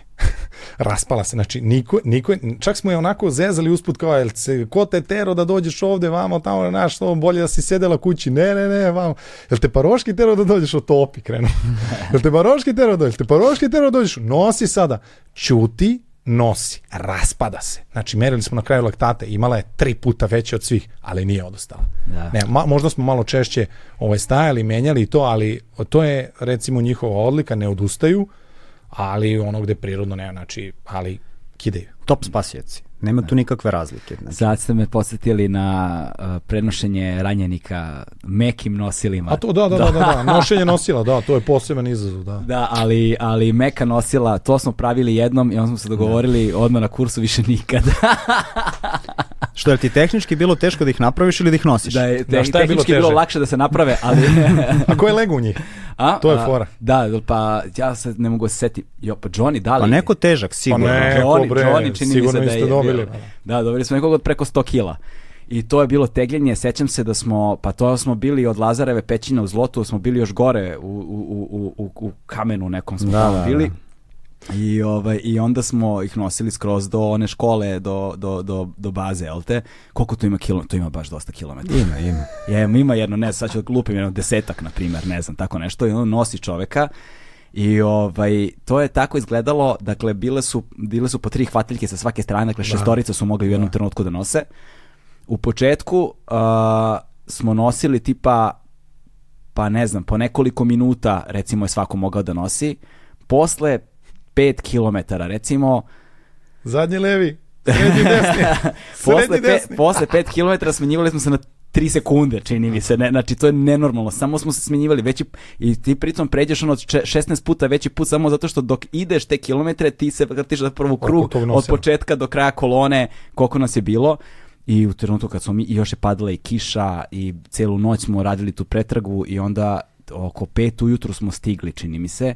Ja se sećam, ima taj snimak na ovom kad smo radili, tad si ti da, uh, držao ka, govor u da. pet ujutru, Diki dolazi, mi, do, mi dolazimo, mi smo ja to ne mogu, to ne, mi, mi smo mrtvi. Dakle, mi smo prvo, prvo, prvo je bilo to, to je bio dan kada su, kada su, kada je bilo 420 brpija. Da, to da, je da, to, da, da, da, da. Ujutru u 8 sati je bilo 420 brpija. Razumiješ, mi smo to da krene dan, da, da se razbudite. Da, bilo 420 brpija i trčanjata i onda je bila stena, tehnika na steni ceo dan i onda posle toga, ja znam da smo imali kanticu eurokrema i svi su samo ovako jeli A, ono superom euro, kašikom. superom kašikom eurokrem da bismo mogli da ostanemo na nogama i onda je nakon toga smo bili medicina CPR, tada smo radili kardiopulmonalnu mm. reanimaciju, smo radili na bebi. To je bilo na, kao, i onda to, to nameštanje, ono, vilice da duneš, da kako treba, to, bože, sačuvaj.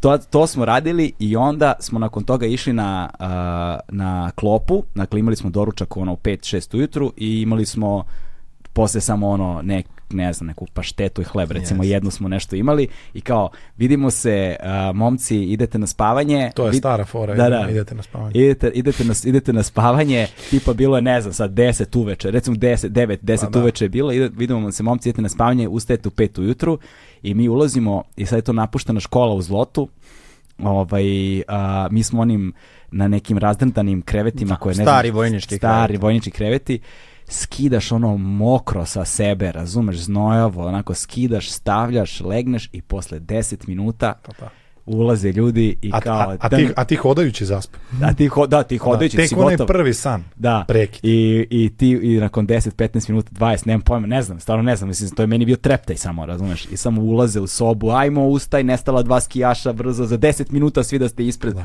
I pa ti da. onda ono mokro nazad na sebe, oblačiš. Odvrta nosiš. Da, da. Jao, brate, izlaziš napolje, a počinje ledena kiša da pada.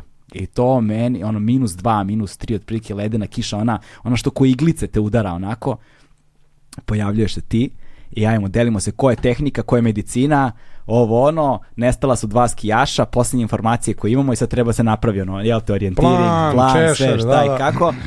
I idemo kao u češlj pretragu, ovaj, idemo prvo marš, ne znam, do tamo nazad, do te iste pećine i kao krećemo mi u krećemo u pretragu i onda kad smo se vraćali nazad nosimo čove, dva čoveka, nosimo, nosi, nosi, nosi. A to je instruktori? Ne, ne, ne mogu da se setim. Ma da, da neko od markiranata. Pa da, da, da, a oni to, se postave pet minuta pre nego da vi najđete. Pa da, to. Spavaju, e. a vi tabanate celu noć. Ovaj, i, I vraćamo se nazad oko 5 ujutru, recimo 5 i 15 ili 4, tako nešto smo bili. Da. Ulazimo u onu školu, naravno nema grenja, nema ništa i kaže on, ovo ništa nije valjalo, sve je bilo užasno, katastrofa, ti si užasan, ti si užasan, sram te bilo, na šta ovo liči. Idite kući, što ste došli? Da, to, to, to, to, to, to, to. Pazi, to e, jeste malo onako drilovanje, da. ali ja se sećam te pretraje imali ste lošeg vođu. A nije kao, mislim, znaš šta, pojent je da ti nađeš nekog ko je loš u tome, da ga staviš tu, da on vidi šta se desi ako ne razmišlja kako treba. A cela ideja je da ga naučiš da on mora sistematično da donosi odluke. Da, da, da. Ja, osetio sam se još jednog trenutka mm. koji je možda bio teži od drugih, a zvučat će smešno. Imali smo zapravo kratak pred, period predavanja pred mhm. spavanje. Mm -hmm. Dakle, bilo je ah, večera jest, kao, jest. pa ide predavanje, pa kao idemo na spavanje. A ceo dan, pošto to napuštena škola, sad pričam ljudima da ne pomisle ono, ovaj, uh, nema, nema grejanja tu. I onda ta jedna prostorija nadžibrili grejanje unutra, mi u onim jaknama, sve. Je liko ostao budan. I mi, i, i Crvenka, pa čini mi se da je držao predavanje tipa češlj pretrazi nešto. Da, da, da. da. Ono, dosadno. Pa ne da, može, on priča rečenice, onda vi idete, ko može da mi kaže da. kako se krećemo a mi sad i sad nikad teže kapke ne držiš otvorene. A ti ne možda, a ti, a ti samo što ne možda za, ti hoćeš da zaspiš gotovo. i fore u tome ko prvi zaspi tipa svi 20 klekova tako da. nešto. ti ne možda ne smeš da zaspiš i bio je sećam se liki žandarmerije koji mi je prodao foru kao kako da kako da ne spavaš. Uzmeš gutlje vode i držiš vodu u ustima i onda ne možeš da zaspiš. Ja popio dve litre vode, brate. ja progutam, pa progutam, pa progutam dve, litre vode popio da ostanem budan i evo te, razumeš? I ovaj kaže... da. A on ti se piša, jel te razumeš? A ideš, I onda kao da ću da pišem idem na spavanje, idem na spavanje, brate, da, razumeš? Da, pišem ili da pijem vodu. da, da, ali, ali smo otišli posle da pišemo i, ovaj, i kao da legneš da spavaš, ali kao kad odeš da pišeš, oduzimaš sebi od spavanja, da, jel te, da, znaš? Da. I onda ta pretraga i vraćamo se nazad i ovaj nama sram vas bilo, ni na što to nije ličilo. Ja, meni ja u tom trenutku, i meni došlo da plačem. A da, da, veći znači, meni, to, veći to ja, se, ja sedim i meni se plače, moja duša plače, moje biće, meni se, ja bih da plačem od muke, od svega i bio sam ono jebem ti, znaš zašto sam se ja prijavio u pičku materiju, razumeš, sećam se, to je bila, yes. to je, to je bilo divna akcija. I onda, ovaj, nekako... Zato je pamtiš. Pa da, znaš, da, ne samo... Da.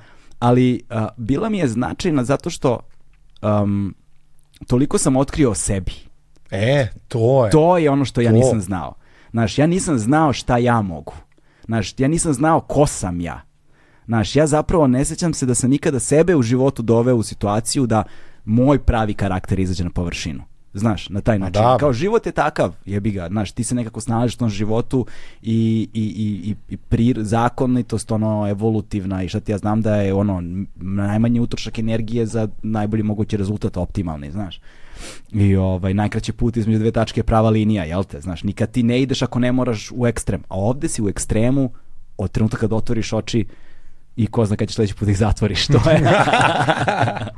Znaš, i to je ono što je meni bilo, uh, kažem, dakle, pored svega ovoga o čemu vi govorite, postoji ta jedna vrsta dragocenosti koja je intimna, individualna, koju, da, da. koju koju ti pored toga što stekneš veštine i znanja i spasilaci i ekipu i prijatelji i braću i kumove i sestre i sve, znaš, pored mm. svega toga, ti zapravo ti postaneš bolji čovek. Znaš, ti postaneš ono, uh, znaš, smireniji u nekim životnim okolnostima, manje temperamentan, emocionalno stabilniji u sukobima sa drugima i tako dalje. Znaš, da. ono, ja sam primetio posle, eto, koliko je to, dva, tri vežbališta, da. ukupno možda mesec dana kad spojiš sve dane zajedno. Da, da. Ja sam čovek pre toga i čovek nakon toga nisu dva ista čoveka. To je ovaj, kraj ove moje male tirade. ne, ne, pa jeste. Kurs te nauči da, ja to zovem da uđeš u neki safe mod. Da. Znaš, ono, ne znam, da e, jednostavno kad se desi nešto, tvoj mozak krene nepotrebne stvari da potpuno izbacuje i da ima jedan trezven fokus kako da reši problem u kome se naša. To je esencija spasilaštva. Sa da ti, najoptimalnim utroškom resursa. Tako, da. ništa te drugo ne zanima. Zanima te da ti prođeš to, da drugom pošta god, ali samo onako strogo fokusirano, bez emocija, a emocije dođu posle. Da, da. Znači sad već u tom kursu se zna manje da. više nije to nikakva tajna, naš, pričaju i ljudi koji su prošli, koji su sada u službi i koji su izašli iz službe, ne, ne, to sad nešto da ti, ovaj, kao mi sad tu krijemo, to je tajanstveno, kao šta mi radimo, naš, lomimo čoveka, gledamo da ga, da ga izlomimo celog, naš, jer to, Da, hajde to da nam pričam, treba. Hajde, da pričamo, hajde pričamo o tome. Ko je to princip zapravo? Vi ste, vi ste ga meni nazvali, to, tako sam ga ja od Johnny-a čuo kada smo pričali, kada smo smišljali naziv za taj dokumentarac, zvali smo ga tačka pucanja. Ovaj, pa nije loše, da. Da, pošto, pošto je on meni objasnio to kao kada drvce polomiš, ovaj, ne prelomiš ga na dva dela, nego ga polomiš tako da ostane da visi na jednoj niti i onda ga zakalemiš. I onda taj nakalemljeni deo zapravo bude najsnažniji deo stabljike posle. To da, ko kost. da, da, između I, Ima toga, to, je, to jeste jedna od suštini, suština celog tog problema. Druga stvar koja nama puno znači je ti vidiš kakav je čovek stvarno tek kad ga dovedeš u tu situaciju kako on hendla tako nešto. Zato što u spasilaštvu se nama dešava, šta, pazi, koponik, dežurstvo. Sve super, kao na stazi si ceo dan skijaš, onda dođeš kao trebaš da klopaš i onda te neko zove pretraga. Da, da. I sad ti si ceo dan se smrzavao na stazi, Radio. Radio, radio pet to je posao, pazi, to je posao. Šljakao si bre. Ako je, ako je pik sezone, sretenje ili tako nešto. To nije posao, to je tri posla u jedno. Pa da, da. To, to je, gineš, ti gineš bukvalno. Ne, ti ideš jedne povrede na drugu. I ovaj, ti posle takvog dana dođe ti poziv da je se neki skijaš izgubio negdje i ti krećeš u pretrgu po dubokom snegu i to može da traje do ujutru. Ti si... To je čista ti, simulacija da, kursa. Ti ako nemaš ljude koji su dovoljno mentalno i fizički fit to da urade, pa. ti si u problemu, ozbiljnom problemu. Zamisli kaže ti ne mogu, ja sam radio cijelo, ja moram legnem spavam. da. znaš, ne, uh, Gladan sam. Znaš, znaš kad se dešavaju nesreće? Uglavnom, nekad je lepo vreme kad je sunce, nego uvijek da, kad je neko šešće, ono, da. kijamet, sranje, gluposti. Tad se dešavaju nesreće. I ti sad tamo trebaš da ideš u nekim realno groznim uslovima, možda nisi ispao nešto, mi moramo ljude da pripremimo i moramo da vidimo ko je fit to da uradi, ko nije. To je, pazi, to je više, dosta više glava nego što je sama fizička kondicija, mada je fizička kondicija jako bitna.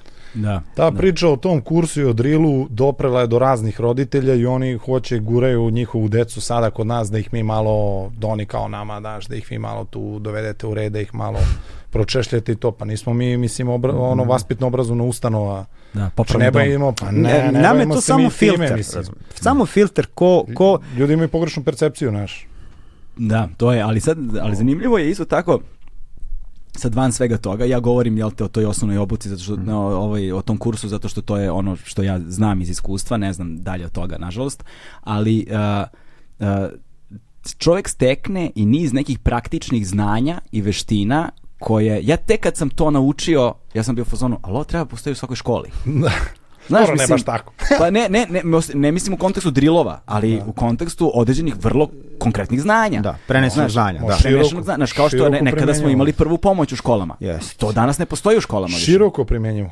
Yes. Znaš, ne postoji. Dakle, ja, ja sad za sebe mogu da kažem, ja znam da dam kardiopulmonalnu reanimaciju. Znaš, odnosno CPR i serija, da, da. nisam znao što znači CPR, naučio sam na kursu ali kao ja sad znam kako se primenjuje taj pritisak. Ja sad znam ti mora da lomiš rebra. Moramo da pomenemo ovaj, naše instruktore Medicinare. medicine, oh. zato što je ono, jedan stub GSS-a su ljudi koji su inače po profesiji lekari i oni čine dobar broj naših članova i bez njih cela ova priča ne bi imala smisla. Tako da su to ljudi koji su tebi preneli to da, da. Tu smo dosta daleko odmakli. E. Možda čak i previše. Šta to znači? Pa to znači da su ti naši lekari iz med tima toliko unapredili i razvili tu priču o prvoj pomoći, pomešano sa tom ogromnim iskustvom koje mi imamo, tu džabe ti uh, scenariji, vežbe, postavke, simulacije.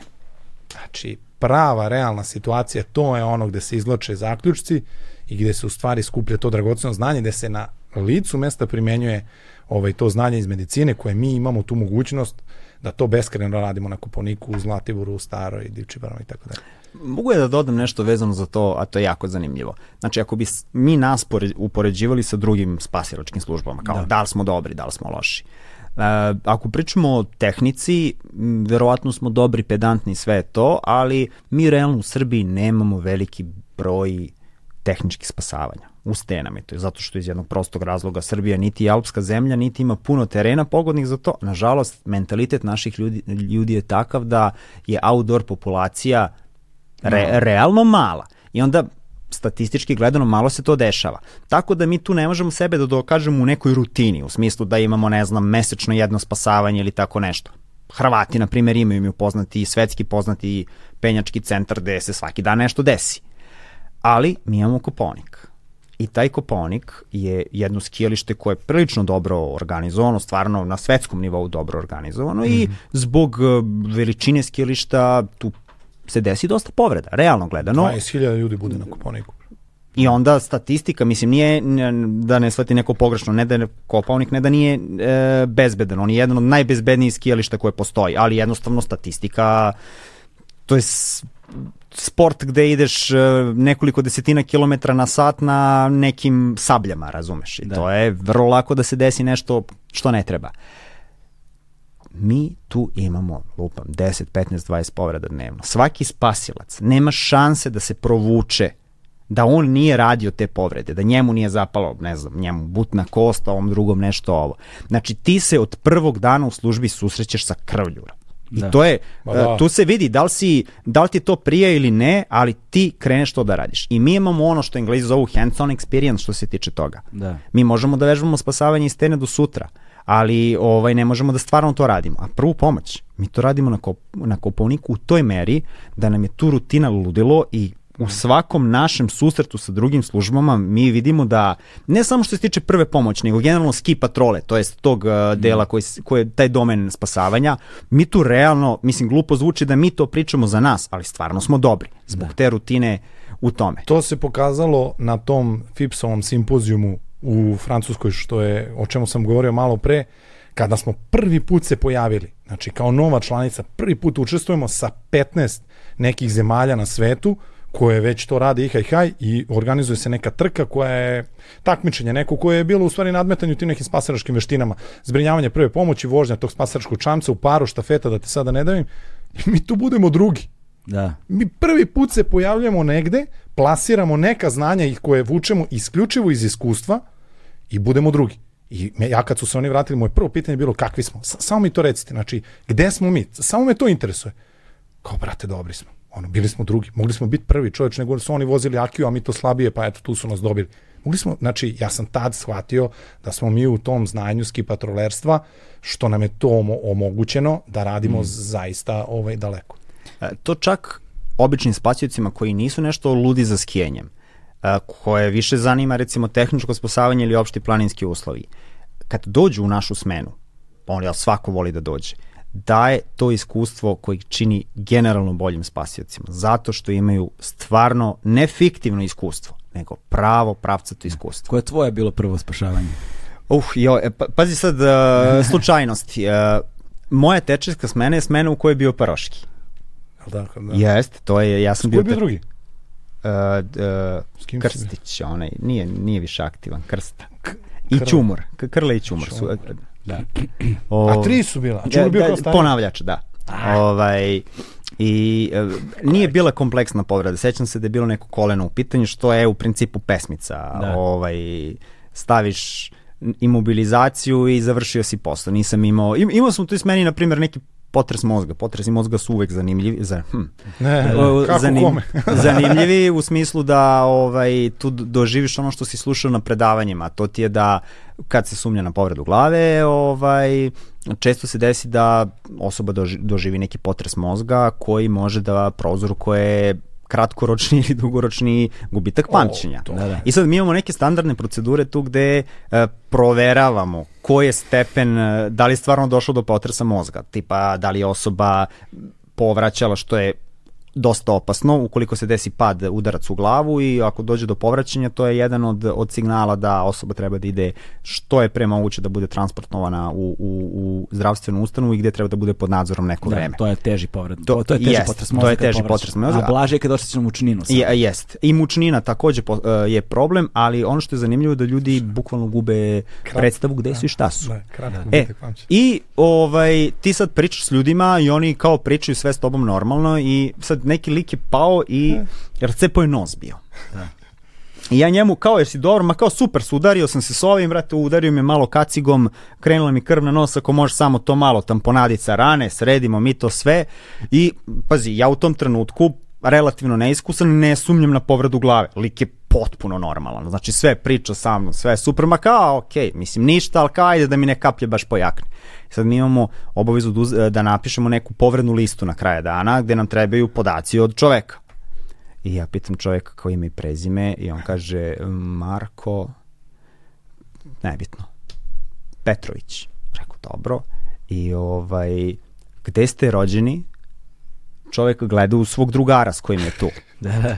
Ja gledam u njega, on gleda, pa kao, znaš, ovaj, ja skontam u tom trenutku, razumeš da je lik ono knjiški slučaj toga, ono trenutno nema pojma ništa, krenem gde si sme, gde si sme, pe, to, uh, postavlja se set nekih bazičnih pitanja, u kom ste hotelu smešteni, šta ste doručkovali jutro, ko je danas dan ili tako nešto, ja vidim čovjek, znači veze nema gde, ono, potreščina mozga, odma, pakovanje, da, da, šancova kragna, idemo hit, i tako hit, to. Hit. Da, i to je sad, to je zanimljivo, recimo, kod tih, kod, kod, kod recimo, te, te prve pomoći tih spašavanja, elementarne stvari koje ljudi ne znaju. Aj sad kao davanje, davanje veštačkog disanja, ono, lomljenje rebara i to masaža srca, jel te, tako dalje. To je jedna, to je jedna stvar i sad to je nek, nek, neka je, je, kraj jednog štapa, naš. Ali s druge strane štapa, na primjer, se nalaze to elementarne stvari o kojima nikad nisam razmišljao u životu. Tipa, kad prilaziš povređenom, s koje strane mu prilaziš pre nego što mu se obratiš. Znaš, to je nešto na što nikada na životu ne bih obratio da, pažnju. Da. Ja kao civil, da vidim nekog povređenog na ulici, pritrče, pritrčeš da pomogneš. Ali kao tebra, ne prilaziš mu s leđa. Znaš, da on mora da okreće glavu da. ili ga uplašiš ili nešto, nego obiđeš krug, priđeš mu lice mu lice i tek mu se ono tad obratiš, razumeš? Znaš ili... kako, to je, da, to je dosta haotična scena, onako, naš, kad je povred, povreda na skijalištu, ljudi prolaze, vide sa korpe, zovu, sija se telefon i to tu tenzija ide, stigo je poziv do nas i spasilac ide, čim se spasilac pojavi, to sve onako malo leže. Znači, pojavila se osoba koja će da ti pomogne ako je spasilac iskusan, on tako to stavi pod kontrolu. Da, da, spusti tenziju, znači, spusti da, energiju. da, da, obrati se, uđeš u neku laganu spiku, ja sam tu isto učio od starih. Znači, znaš kako je to, pa to spasilac dođe, ono, žena bre ima, ima pesak prelom, mi to zovemo, znači pukla potkolenica, kad pipneš dole, ono osjetiš ono, znači, znači da. ono trajni invaliditet. Da. Ovaj, I ono tu drži se za nogu, a, ovo ono tu i ovaj dođe i kao dobro, dobro, pa sad ćemo da sredimo, ma ništa, ovo, bit će to okej. Okay. A i on i ja znamo, znači operacije u najavi, šine, šrafovi, gurđurija, ono, da. i tako da, nije ni bitno. I kaže on, i sad ona tu, dobra, znaš, ja sam lomila sam već jednom tu nogu, ti doći ti da pitaš, pa šta radiš na skijanju, ono, znaš, da, da, ono, da. ko te tera, ono. Ali dobro, nema. I sad, Znaš šta kaže spasilac, ono sad tu, i sad sunce bilo nešto. Gospodjo, znate šta je dobro u celoj priči? I ona, ono, šta je dobro? Pogledajte, vi ste se povredili po ovako lepom danu. Znam da je neka kiša, magla, neka nešto, ono. I ona ne zna šta da mu kaže, počne se smeja, razoruže. A to je da, da. šlif. Jeste, šlif. jeste, jeste, jeste. To su uči od starijih kolega. Da, da to su sad onako da je ih bukvalno da situaciju potpuno počiniš da, mm. ono sebi svoje. I, ovaj, i onda, to je ono što meni kod te medicine bilo najfascinantnije, kad kao prolaziš kroz te stvari, znači, zašto ovo ne zna svaka osoba, prosto svaki građanin. Korisno je. Korisno je, a nije da. kompleksno znanje, mm. znaš, nije teško. Znaš, kao u osnovnoj školi, u prvom razu osnovne škole možda naučiš nekoga, e, kao samo kad vidiš nekog povređenog, priđi mu lice mu lice, kao eto kao nemoj da ga mrdaš ako ne nemoj da ga mrdaš ako ne ljudi greše strašno strašno i greše. znaš šta je recimo oh. I šta je dobar drill isto bio ovaj pošto idu kao trojica jel te uvek i onda jedan mora da drži glavu Tako znaš je. i onda mi kao radimo te drillove i onda se ti na, a ne namestiš se dobro a kad se jednom namestiš nema mrdanja. Mm. i jao pa kad ti od, počnu da ti otpadaju kad ruke. da se kočiš. Da drhtiš drhti nisi se, pacom. nisi se nisi se udobno namestio znaš i ono držiš i boto, traje to držanje. I, i tako neke stvari recimo volio bih više bio njima da pričate uh, koje se nauče bukvalno na predavanjima. Znači, koje posle ti, da li treba kroz praksu ih vi posle, jel te, primenjujete, ali koje naučiš na predavanjima i kao koje bi možda bilo super sad da po, pomenemo koji do, spadaju negde u domen ono popularne nauke, kako se ljudi ponašaju kad je uh, hip, hipotermija, uh, kako se ljudi uglavnom ponašaju kada se izgube noću u planinskim uslovima, šta kao spasilac ti zapravo očekuješ i koji su signali koje tražiš da bi sebi optimizovao zapravo to spašavanje ne pri, primjera, da. ne, ne znam, ono, pričali smo možda nas dvojica malo mm -hmm. na, na tu temu, ali to su recimo meni fascinantna znanja koje su jednostavne i dobri savjeti za svakoga. Pa jesmo, o, pomenu si Dosta. hipotermiju prvo, da, da. tako.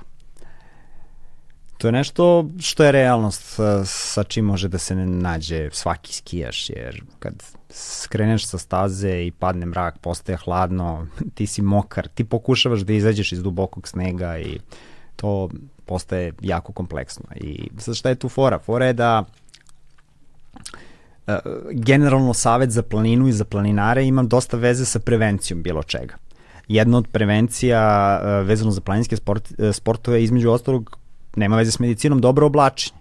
Da. Znači, ti moraš da se obučeš dobro ako planiraš da provodiš vreme u planini, da ne bi bio mokar zimi. Jer kad si mokar, to je realno problem. Ili da na sebi imaš materijale koji imaju dobre performanse kad su mokri. O čemu pričam? Naprimjer, ako imate pamučnu majicu i ako se oznojite, uh, ako je zima, mislim, ili ako počne naglo da bude hladno, u problemu ste.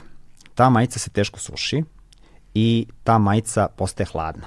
I, I to je nešto što vam, što vam što ljudima oduzima toplotnu energiju i dodatno hladi ljude. Dok, na primer, aktivni veš, posebno recimo merino vuna, uh, i imaju osobine brzog sušenja, a u isto vreme imaju čak mogu, e, osobinu da čak i kad su vlažne imaju dobre izolacije, termoizolacijona svojstva. Na taj način neku stvar e, možemo da kontrolišemo pre nego što se desi. A kad se već desi, i, e, glavna ideja je da čovjek ostane koliko je god moguće zagrejan. To radimo tako što, kao što ste vi radili kad ste radili prekrte.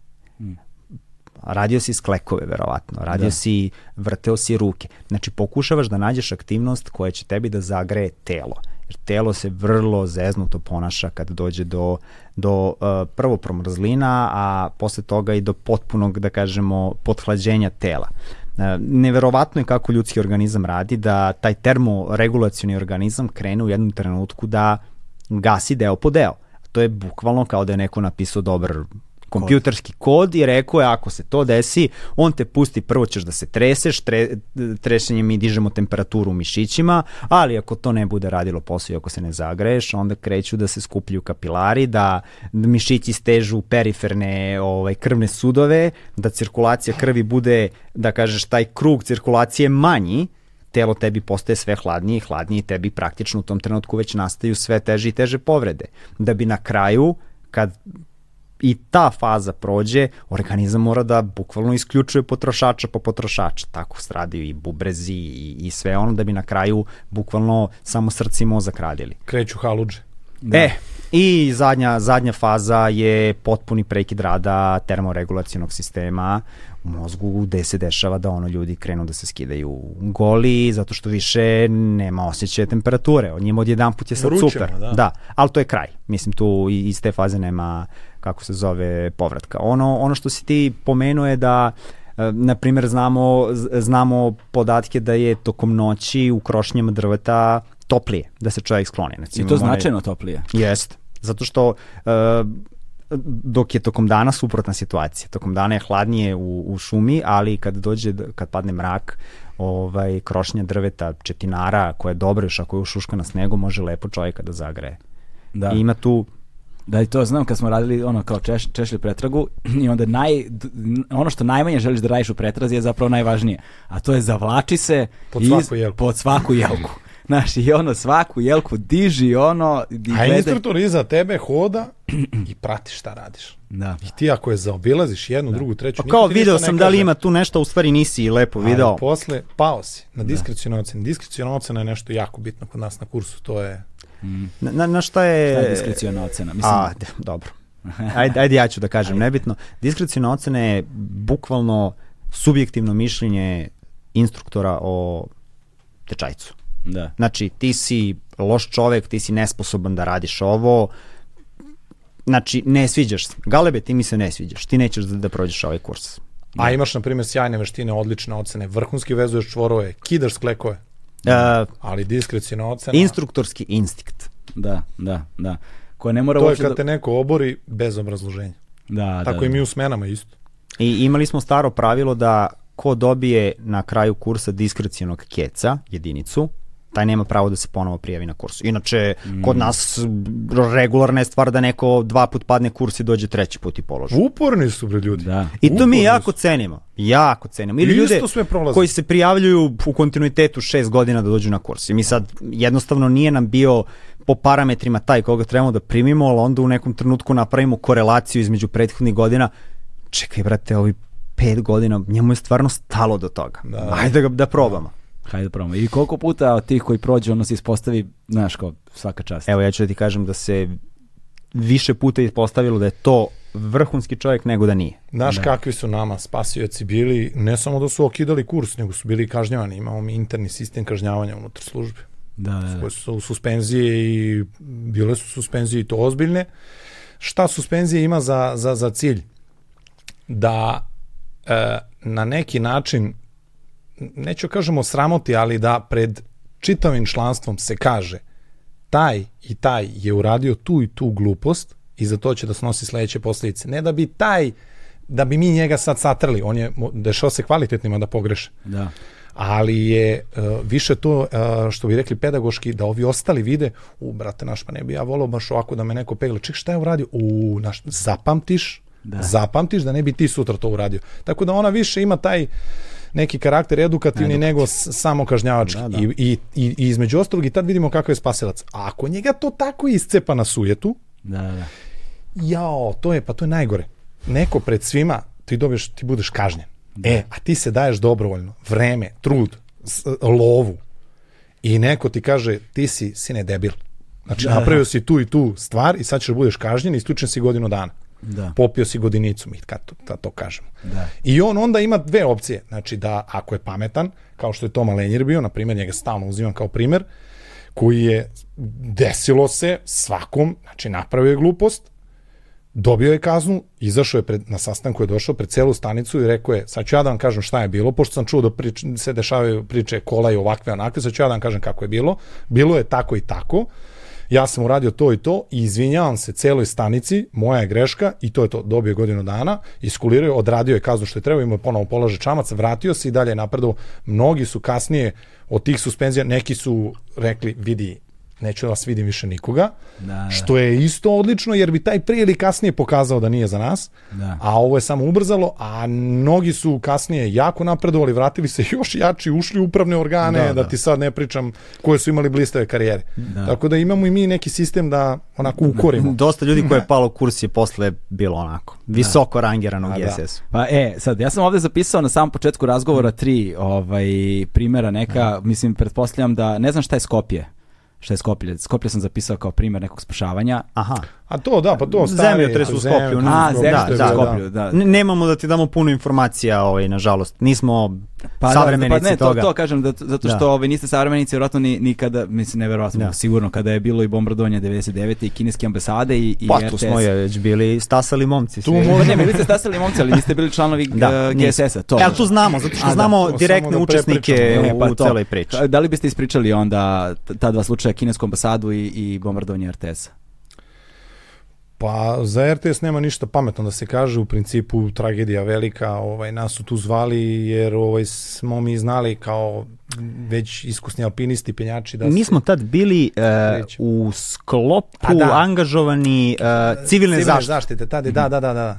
Da. Pa je to bilo je neko bilo, kao dežurstvo baš vezano. Bilo ratno stanje, pa je bili su da. usisani. Tako je, de, dežurali su naši ljudi. Ali u kineskoj ambasadi ima jedan zanimljiv događaj koji smo mi čuli skoro, mislim ja tad sam ga zapamtio, ovaj, bio je vezan za mm, pre ne znam koliko godine je poginuo naš jedan dugogodišnji istaknuti član Đorđe Vidović Vda i mi smo napravili jednu veliku komemoraciju u Domu omladine. Ovaj, on je radio pri UN-u, možda se sećaš onaj avion što je pao dole u Africi. Egipat, se ne. A, sećam se to u Egiptu. E, jedan, jedini Srbin koji je bio u toj delegaciji da. je bio naš član. Je bio GSS-ovac. Da. I to baš pravi GSS. Znači, jedan od gurua onako koji smo mi mlađi, posmatra nije bio toliko aktivan, ali on je razvio kasnije u našu priču o PR-u i tako, nije, nije ni bitno. I ovaj, mi smo napravili tu komemoraciju, Johnny Daly tad bio aktivan, on je tu dosta doprinao, naslonili smo se na onu njegovu logistiku, ne. ovaj kafičku i ne. tu je došlo nešto 150 ljudi, puna sala je bila, stranci, delegacije EU, taj čovek imao poznanstva, kontakte, ovaj voleli ga svi i onda je to bilo onako i tu se tu se ispričala jedna jedna anegdota e, čitao poenta je bila o našim njegovim konkretno visokim moralnim načelima koje smo koje su on, on kao istaknuti je prenosio na ostale. I vezana je priča ta za tu kinesku ambasadu da priča, priča sad naš poznati član. Samo da ispričamo ljudima koji ne znaju o čemu se radi, pošto mi imamo jako veliku da. publiku da. i van Srbije, znaš, i onda Aha, da. ono prosto šta je kineska ambasada, ne šta je kineska ambasada kao institucija, nego šta se zapravo desilo i kada se desilo. To je objekat na Novom Beogradu ovaj, koji je u neposrednoj blizini nekih drugih objekata, ovaj, navodno je tokom NATO dejstava ovaj, pogođena bombom ambasada i potpuno je srušena, unutra je bilo da kažeš radnika Kineza koji su stradali. Navodno, mislim ne znam koliko je bitna u celom de, kontekstu de, de. priče, NATO pakt se pravdao da su hteli da građu zgradu Jugo Import SDPR-a koja je realno 100 metara vazdušnom Jel linijom odatle. Je to CK, taka neka? Ne, ne, ne, ne, kao SDPR su teli da gađaju, da. koji isto praktično civilni objekat, ovaj, ali da. su pogodili tu ambasadu. i to, je, to je da. bio strašan događaj internacionalno zato što je ambasada teritorija jedne zemlje, nije, mm. to nije teritorija Srbije, to je teritorija da. Narodne republike Kine. I, da, I vrlo specifično baš Kine. Znaš, da, kao, da, da, da, da, da, znaš, da. Kao, ono da si gađo, da si... Ne znam da li bi sad to moglo se da, da, Ne znam, nisam siguran. Mnogo godine prošlo svet sas, drugačije izgleda nego tada. Nevjerovatno. da. I, da. I I desilo se to što se desilo i sad, kao što je Diki rekao, znači naši članovi su tu bili angažovani u tom sektoru civilne zaštite, bili su pozvani tamo i sad tu je bilo posla za sve, naš, sa vatrogasce, vamo tamo tu mehanizaciju i sad taj naš opet istaknuti član, dr. Peđe Ilić, on je i pričao taj događaj na, na, na, na vodinoj komemoraciji, priča, kaže on, i sad ulazimo mi tu, I sad ono, ovako mene zanimljivo priča i tako i kaže mi krećemo se, tu sad hodnici, neki prašinčina srušu, možeš misliti ono raketiran objekat na šta liči ono. I vadimo neke ljude, idemo tu, sad mi gledamo otkud mi u ovom haosu, znači potpuno jedan haos u državi, mi smo bre ljudi zaljubljenici u prirodu, ono penjači, šta ćemo, šta radimo u ovom objavu, ali eto, znaš, otač bi nazove što bi rekli da, da, da. to. I kaže u nekom momentu, sad mi ulazimo u neku prostoriju i sef sef razvaljen, međutim u njemu ostalo love. Da. I kaže on, ja onako bacim pogled i vidim, a unutra jedno dvadesetak onih buntova ovaj dolara, da. znači, kaže on, ja ovako šac metodom procenim da je to otprilike neka suma od recimo uh, mojih, na primjer, 26-godišnjih plata. Ja izračunam da je to toliko. I sad, znaš, bez obzira koliko smo mi, znaš, tu sve moralni, to se sad ja sedim, razmi, tal, da, znaš, da, ma, hoću, neću, znaš, duše, bio sam tu sam, on, ma ne, okrenem se, znaš, kao odem rado, odradim svoj posao. I završimo mi to onako prljavi, krvavi, izlazimo iz te ambasade, sve ok, okupimo se posle uveče u štabu, tu su negde bili kod, e, na, na Vračaru, je bilo negde kod, kod Crvenog krsta i sedimo onako i sad tako pričamo, eto šta se tu dešavalo i vuda tu mota se oko nas, međutim krene crv da radi, znaš, sad ti razmišljaš u kojoj državi živiš, šta je ovo, znaš, de, šta kinta i to, šta bi se moglo završim sa njom, kreće neki crv da radi i krenemo mi tu da pričamo o tome i sad Vrda nije bio konkretno unutra, ali je tu okolo slušao te priče i da li on tu nešto oko kuhinje kuvao, nešto vamo tamo i oni tu onako naglas ti, da kažeš spasioci tada koji su bili dosta mladi, onako naglas ovaj se premišljaju, naš imaju dilemu. Da. Oni su da, stvari, da, da li su ispravno, pa ne, to je sad gotovo, nego da, da. da li su ispravno postupili i šta bi moglo biti drugačije. I VD se u nekom trenutku uključi kao šta šta kao nisam čuo i oni im objasne pa VD naš šta bio sef naš ono pare ljudi poginuli misli koga briga sad za pare bre čovječe pljušte bombe i to možda kaže on šta to a pare Pa kao, pa ne, da ste, uz, mislim, to je jednostavno, nemojte uopšte imate tu dilemu, mislim, da je neko uzo neke pare, ubio bi ga. I okrene se i nastavi da čovjek kuva kafu i čaj. I kaže, i kaže Peđa, i mi tu shvatimo u stvari da su naše dileme potpuno nepotrebne. Mislim, a život je tako jednostavan, ova je odluka tako prosta. Evo, pogledajte kako je me čovjek to objasnio. Da, da, tako da ovaj, u tom trenutku kao prestaju te priče ovaj, tako da je on je tu ispričao na komemoraciji. Mislim, to je ovaj, jedna stvar koja je uvek uh, zanimljiva za razgovor kada je spašavanje u pitanju, posebno o spašavanju o kojima vi govorite, jeste što su ona uh, tematski atraktivna za hollywoodske filmove, znaš. I onda uvek da. postoji ta velika razlika između toga šta mi vidimo na filmu, znaš, i kako ljudi doživljavaju spasilačke službe i šta je zapravo realnost na terenu. I zašto je prevencija u spašavanju toliko važna? Uh, jer uh, statistika je opet tu neumoljiva. Uh, koji procenat uh, kardiopulmonalnih reanimacija uspeva? Koji procenat češlj pretraga se završava srećnim ishodom? Znaš, koji, uh, koji deo posla zapravo je onaj koji mi ne vidimo kada posmatramo romantične verzije spašavanja. To je sada, znaš, i, i to je ono sa čime se zapravo, spa, zapravo spasioci najčešće suočavaju. Znaš, u najvećem broju slučajeva zapravo, ali to volio bih više da vi pričate o tome. Ja ću ti samo jedan aspekt ovaj baciti ovako. A, u spasilaštu, ako mi sad pričamo ovde, zezamo se, smejemo se. U principu u akcijama spašavanja nema ništa lepo. Mm. Znači, e, to je jedna muka, kuluk, problemi, e, ti učestvuješ u nečijoj tragediji, boriš se za nečiji život, neretko se ne izboriš za njega, a, naši ljudi su na hiljadu puta bili svedoci velikih tragedija, do, dolazili u kontakte sa leševima, imali smo slučaj da smo ovaj, i imali kontakta sa nastradalom malom decom, ljudi koji su oženjeni, požen, ovaj, e, ljudi ostvareni, imaju decu i tako dalje, koje su na njih ostavljale određene posledice. A, hoću samo da kažem da to što se stvarno dešava, ono o čemu ne pričamo nigde jer nema potrebe za tim, nije ništa lepo i sve u svemu to je jedna velika muka, problem, problem na problem, kuluk, kao što sam rekao, uh, i sa pitanje kakvim ishodom. Da, mogu da ti kažem da, ajde, za CPR nemam neku metriku u glavi da ti kažem, ali za što se tiče pretraga, većina pretraga nije uspešna da. većina. Zato što ne zbog nečeg što smo mi loše odradili, da. jednostavno kasno do nas dođe informacija da se neko izgubi. Ili nas kasno zovu ili nas navedu na loš trag, znači da. jedno vreme smo nas, su nas i prozvali leš patrola, jer smo da. samo leševe vadili. Tako je. Znači, ne, ne znam šta da ti kažem, naš, lepo je to, mi svi volimo, ti ljudi vole, ja, ja vole da dođu, naš, ja vidim taj entuzijazam u mladim ljudima, da. ali ovaj, oni ne, ne znaju zapravo ta velika akcija na rtnju, mislim, ja, to, to, na to je, mislim, ne, ne postoji. Znači, Koja je velika se, akcija na rtnju? Pa ovo, kad je onaj čovjek isto pao, pa smo i njega ovo, izvlačili. Pre dve mislim, godine. To da. je... Ne znam, ne znam. Spasilac, no, bože, spasilac. Planinar je bio sam na rtnju i ovaj, u nekom trenutku, ne mogu da se setim detalja, da li je otišao na neki vidikovac ili nešto, jednostavno je pao je sa litice i poginuo. -hmm. A da, i nas su zvali da ga tražimo jer nije bio, nije bio pronađen, da. bio njegov auto. Kad nađete auto, to je onda najsigurniji znak da je on tu negde. Nije se vratio, znači nije otišao, ne znam da je tu. I onda čim su naši auto izašli smo, akcija trajala 3, 3, 4 dana, bilo uključeno na desetak spasilaca u iteracijama različitim, ali ovaj, naši su ga pronašli i onda to izvlačenje, mislim, policija nije ni htela ni da izađe gore, niti može da izađe, to je teren nepristupačan i onaj sad tu treba da dođe mrtvozornik da se tu obaj uviđe i to sve, a islikajte vi to naši, sad to izvlačenje, to, niko to neće, da. mislim, da.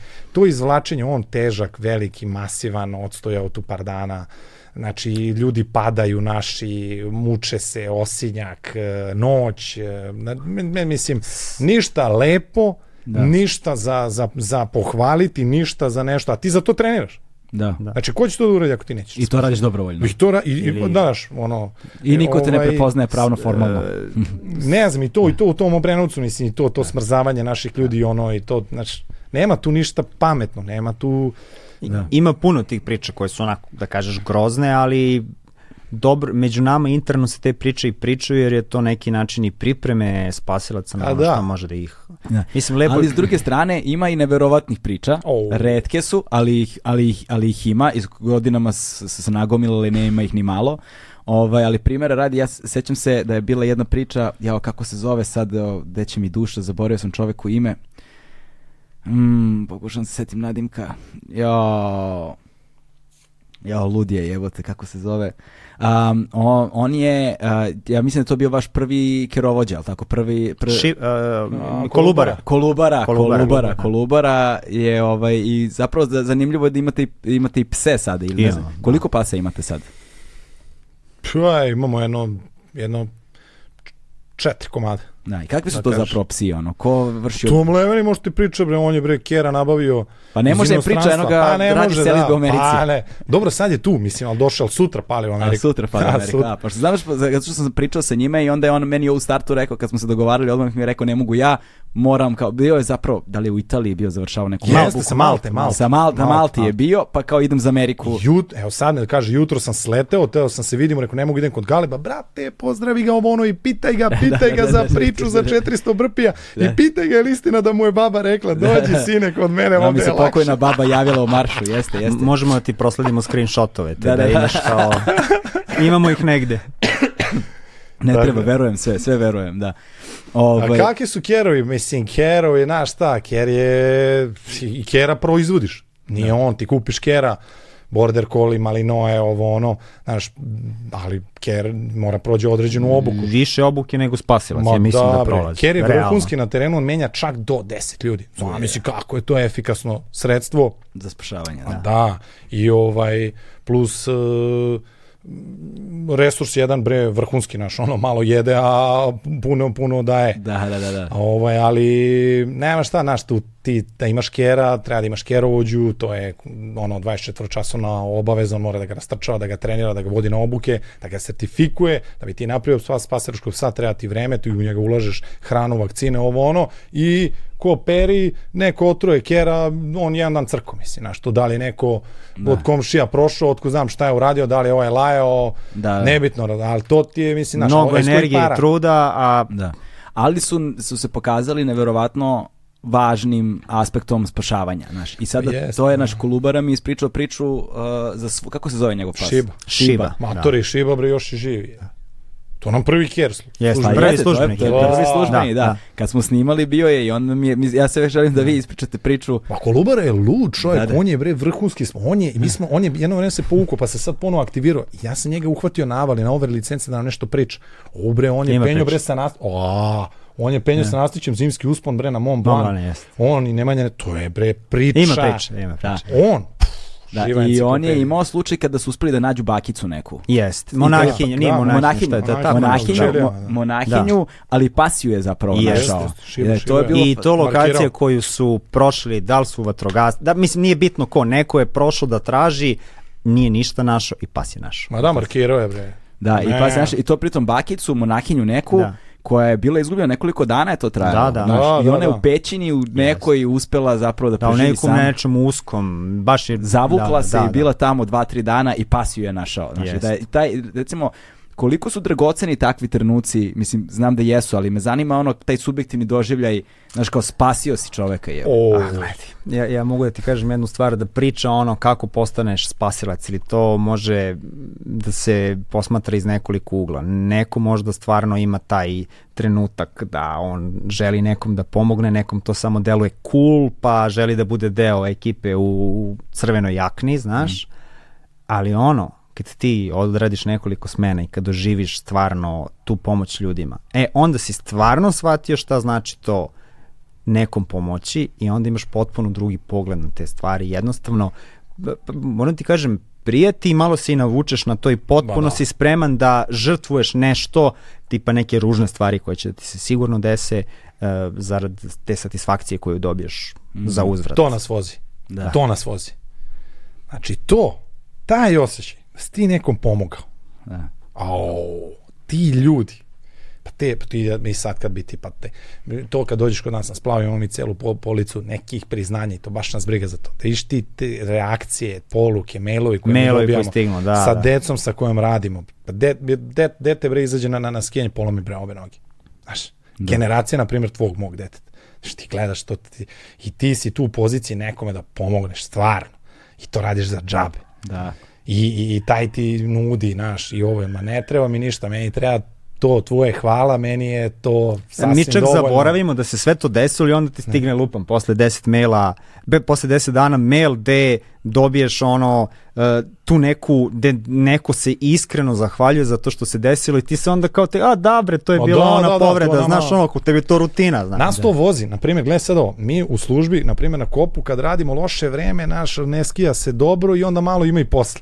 Onda se ljudi malo ulenje, blenje, uveče, žurkice, ono, neka je loša atmosfera. Kad je gas, Kad su teške, kad su, pogotovo kad su teške povrede, u, naš kako onda se spasilac, on se sav, on se digne onda u rad, na radnu temperatura mu se podigne i onda ide i priča i kombinovanje i, i ovaj, analiza iskustva da se vidi šta je moglo bolje, šta je, znači onda je pravo. U stvari mi smo u najboljem modu onda kad, kad, je, kad su teške kad je situacije. Da, da, da, Krizni menadžment. To nas, da, da, da. To, I tu se, i odmah ti se fokus iz oštra ide konektovanje, ono, vezujemo se i Da, to je ono kao, kao što je meni bilo kada sam posmatrao ovaj dokumentarni film The Rescue, znaš, mm. jer šta su oni, došli su ono Navy Seals, došle ono specijalne jedinice Tajlanda, došli ovi, došli, došli spasioci, e, dobri ono, to speleoronioci iz celog sveta, ono, nema ih puno, znaš, ono, na, na prste dve šake, ono, ih izbrojiš sve, razumeš, došli, ma niko ništa ne može, najbolje, nisu čak ni uspeli da dođu do dece, najbolje što su uspeli su do neke tačke da razvuku kablove,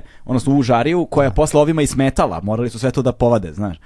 Ovaj, i onda dođeš do tih likova, ta trojica spasilaca koji su ono neki, uh, jedan je IT baš, ali svi su penziji, svi su ono, znaš, vremešni ljudi, duboko u svoju, zagazili u sedmu deceniju, znači ono, 60 da. plus godina svi, vidiš ih i sklop karaktera njihov, znaš, oni zapravo tek kada uđu, zarone, a imaju one neke ribridere koje su sami pravili naš, na strugu ono pravili da, da, sami, da, da, sami, da, razumeš? To nije komercijalna aktivnost. Ma kakva crna komercijalna aktivnost? To ne možeš da kupiš. O, nema, nema, oni Mislim, sami prave, da, sami prave te da bi mogli da ono stružu o stene tako kada je, se, razumeš? I kaže, kad on uđe u to blato, razumeš? I kada je spljošten između dve stene, ono kilometar daleko od bilo čega, da je panika jednako smrt.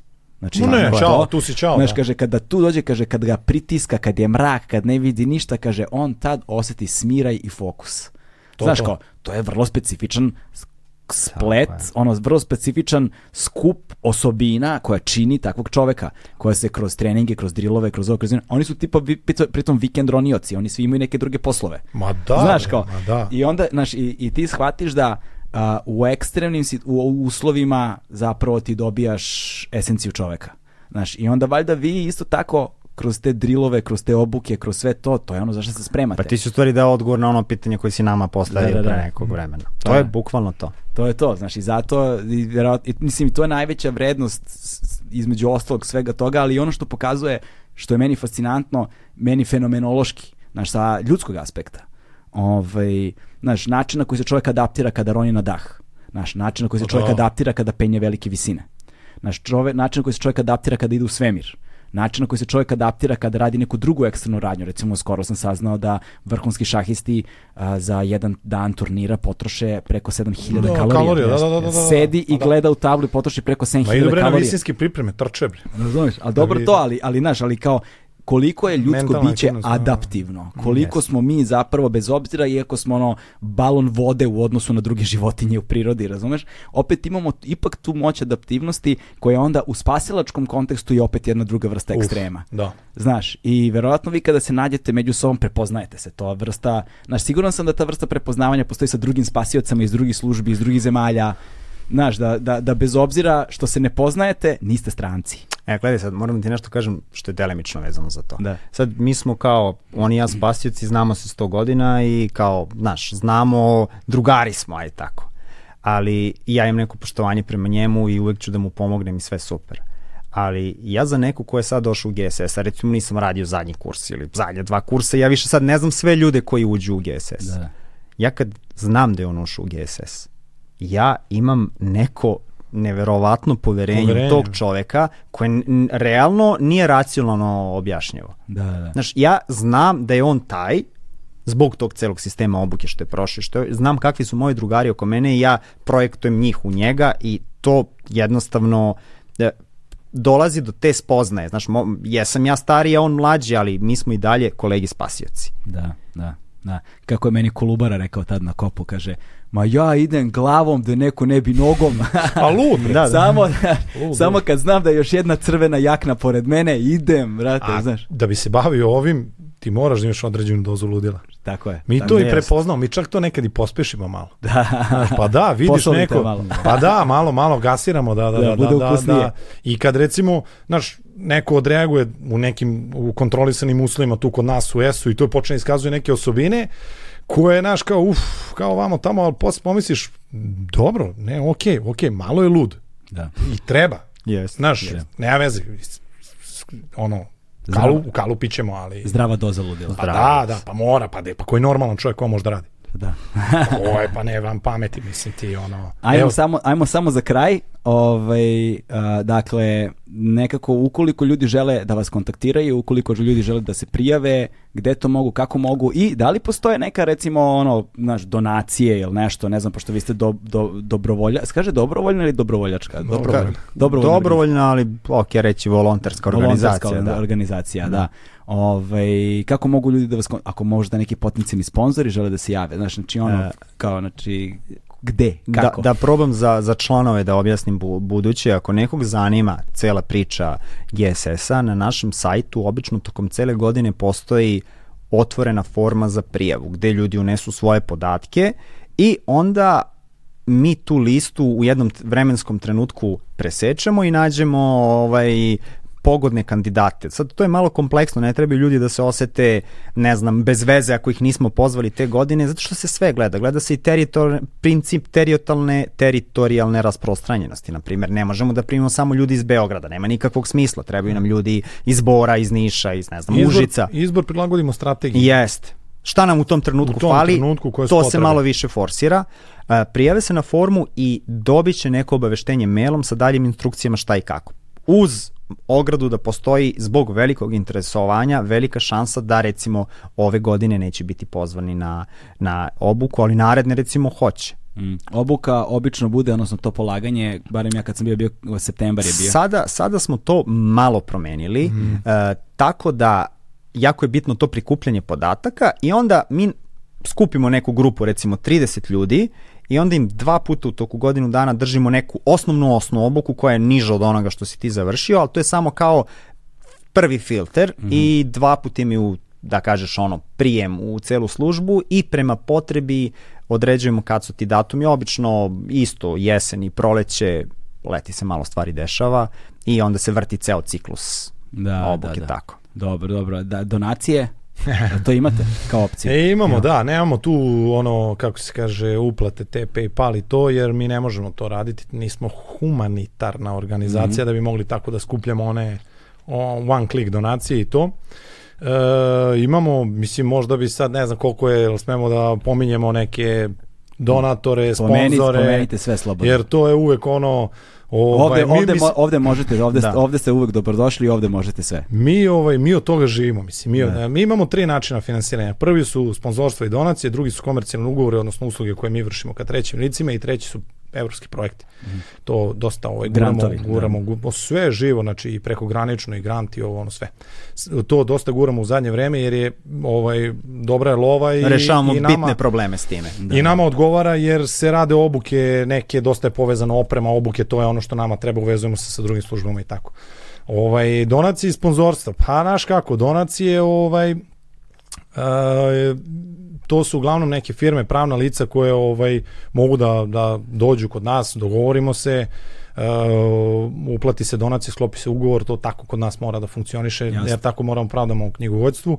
A sponzorstvo su nešto sasvim drugo. Sponzorstva, mi smo ovaj uh, izašli sad malo na medijskom ovaj nebu Srbije, svi nas znaju, svi su ovaj čuli za nas imamo dosta dobar taj visibility i postoje ovaj oni koji mogu da plasiraju neki svoj da Znam imaju da, ste da sa Dačijom imali dugo saradnju. Da, grupa Renault nisam Srbija s njima imamo i dan danas jako dobru ovaj saradnju, dobijamo vozila na korišćenje.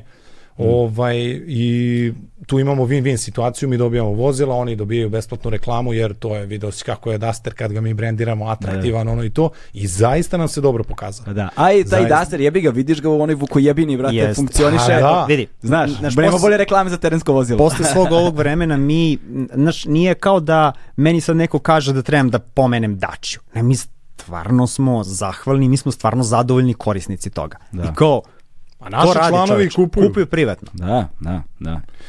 Rtaj nam daje hranu zimi na Koponiku, putevi Srbije, imamo džave putarine, imali smo, sad smo nekim pregovorima s Nisom za ovaj, gorivo, svi nas tu pomalo nešto pomažu, Ko još bio Veli, Lidl, imali smo dve, da. dva puta go, ove, dve godine kampanju. Velike kompanije polako prepoznaju značaj i nas, sad smo u nekoj saradnji sa Jetelom, mm. koji inače se da. okreće omladini outdoor priči, potpuno nekoj e, modernoj i zdravoj, ne, nečemu što ima dosta veze s nama i što mi gotivimo i privatno, tako da se i tu rađa neko, mm. neko partnerstvo, tako da vidjet ćemo gde će sve to da ode. Dobro. O, u svakom slučaju ja ću staviti link za vaš sajt kao prvu stvar da. koju će ljudi moći da vide u, u opisu ove epizode, bez obzira da li je YouTube ili bilo koja druga platforma, tako da ovaj, mogu da kliknu, mogu se prijave, mogu šta god. Tako je. Momci, ne znam šta vam kažem, hvala vam puno na svemu, ovaj, hvala vam puno što postojite, hvala vam puno na požrtvovanosti, na svemu što ste radili do sada i ovaj, veliko mi zadovoljstvo da mogu da vas nazovem prijateljima pre svega.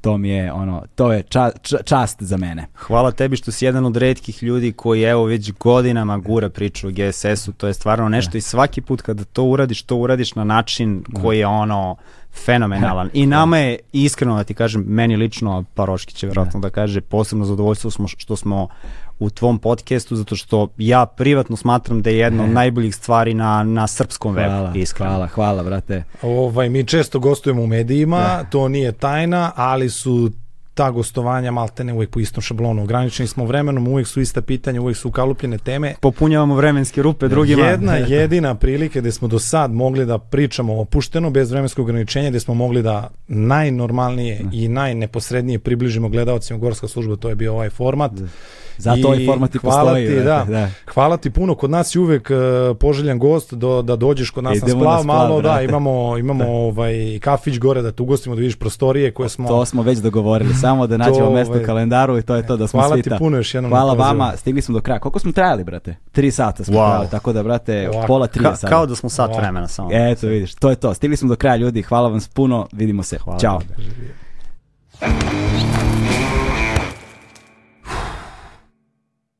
Hmm.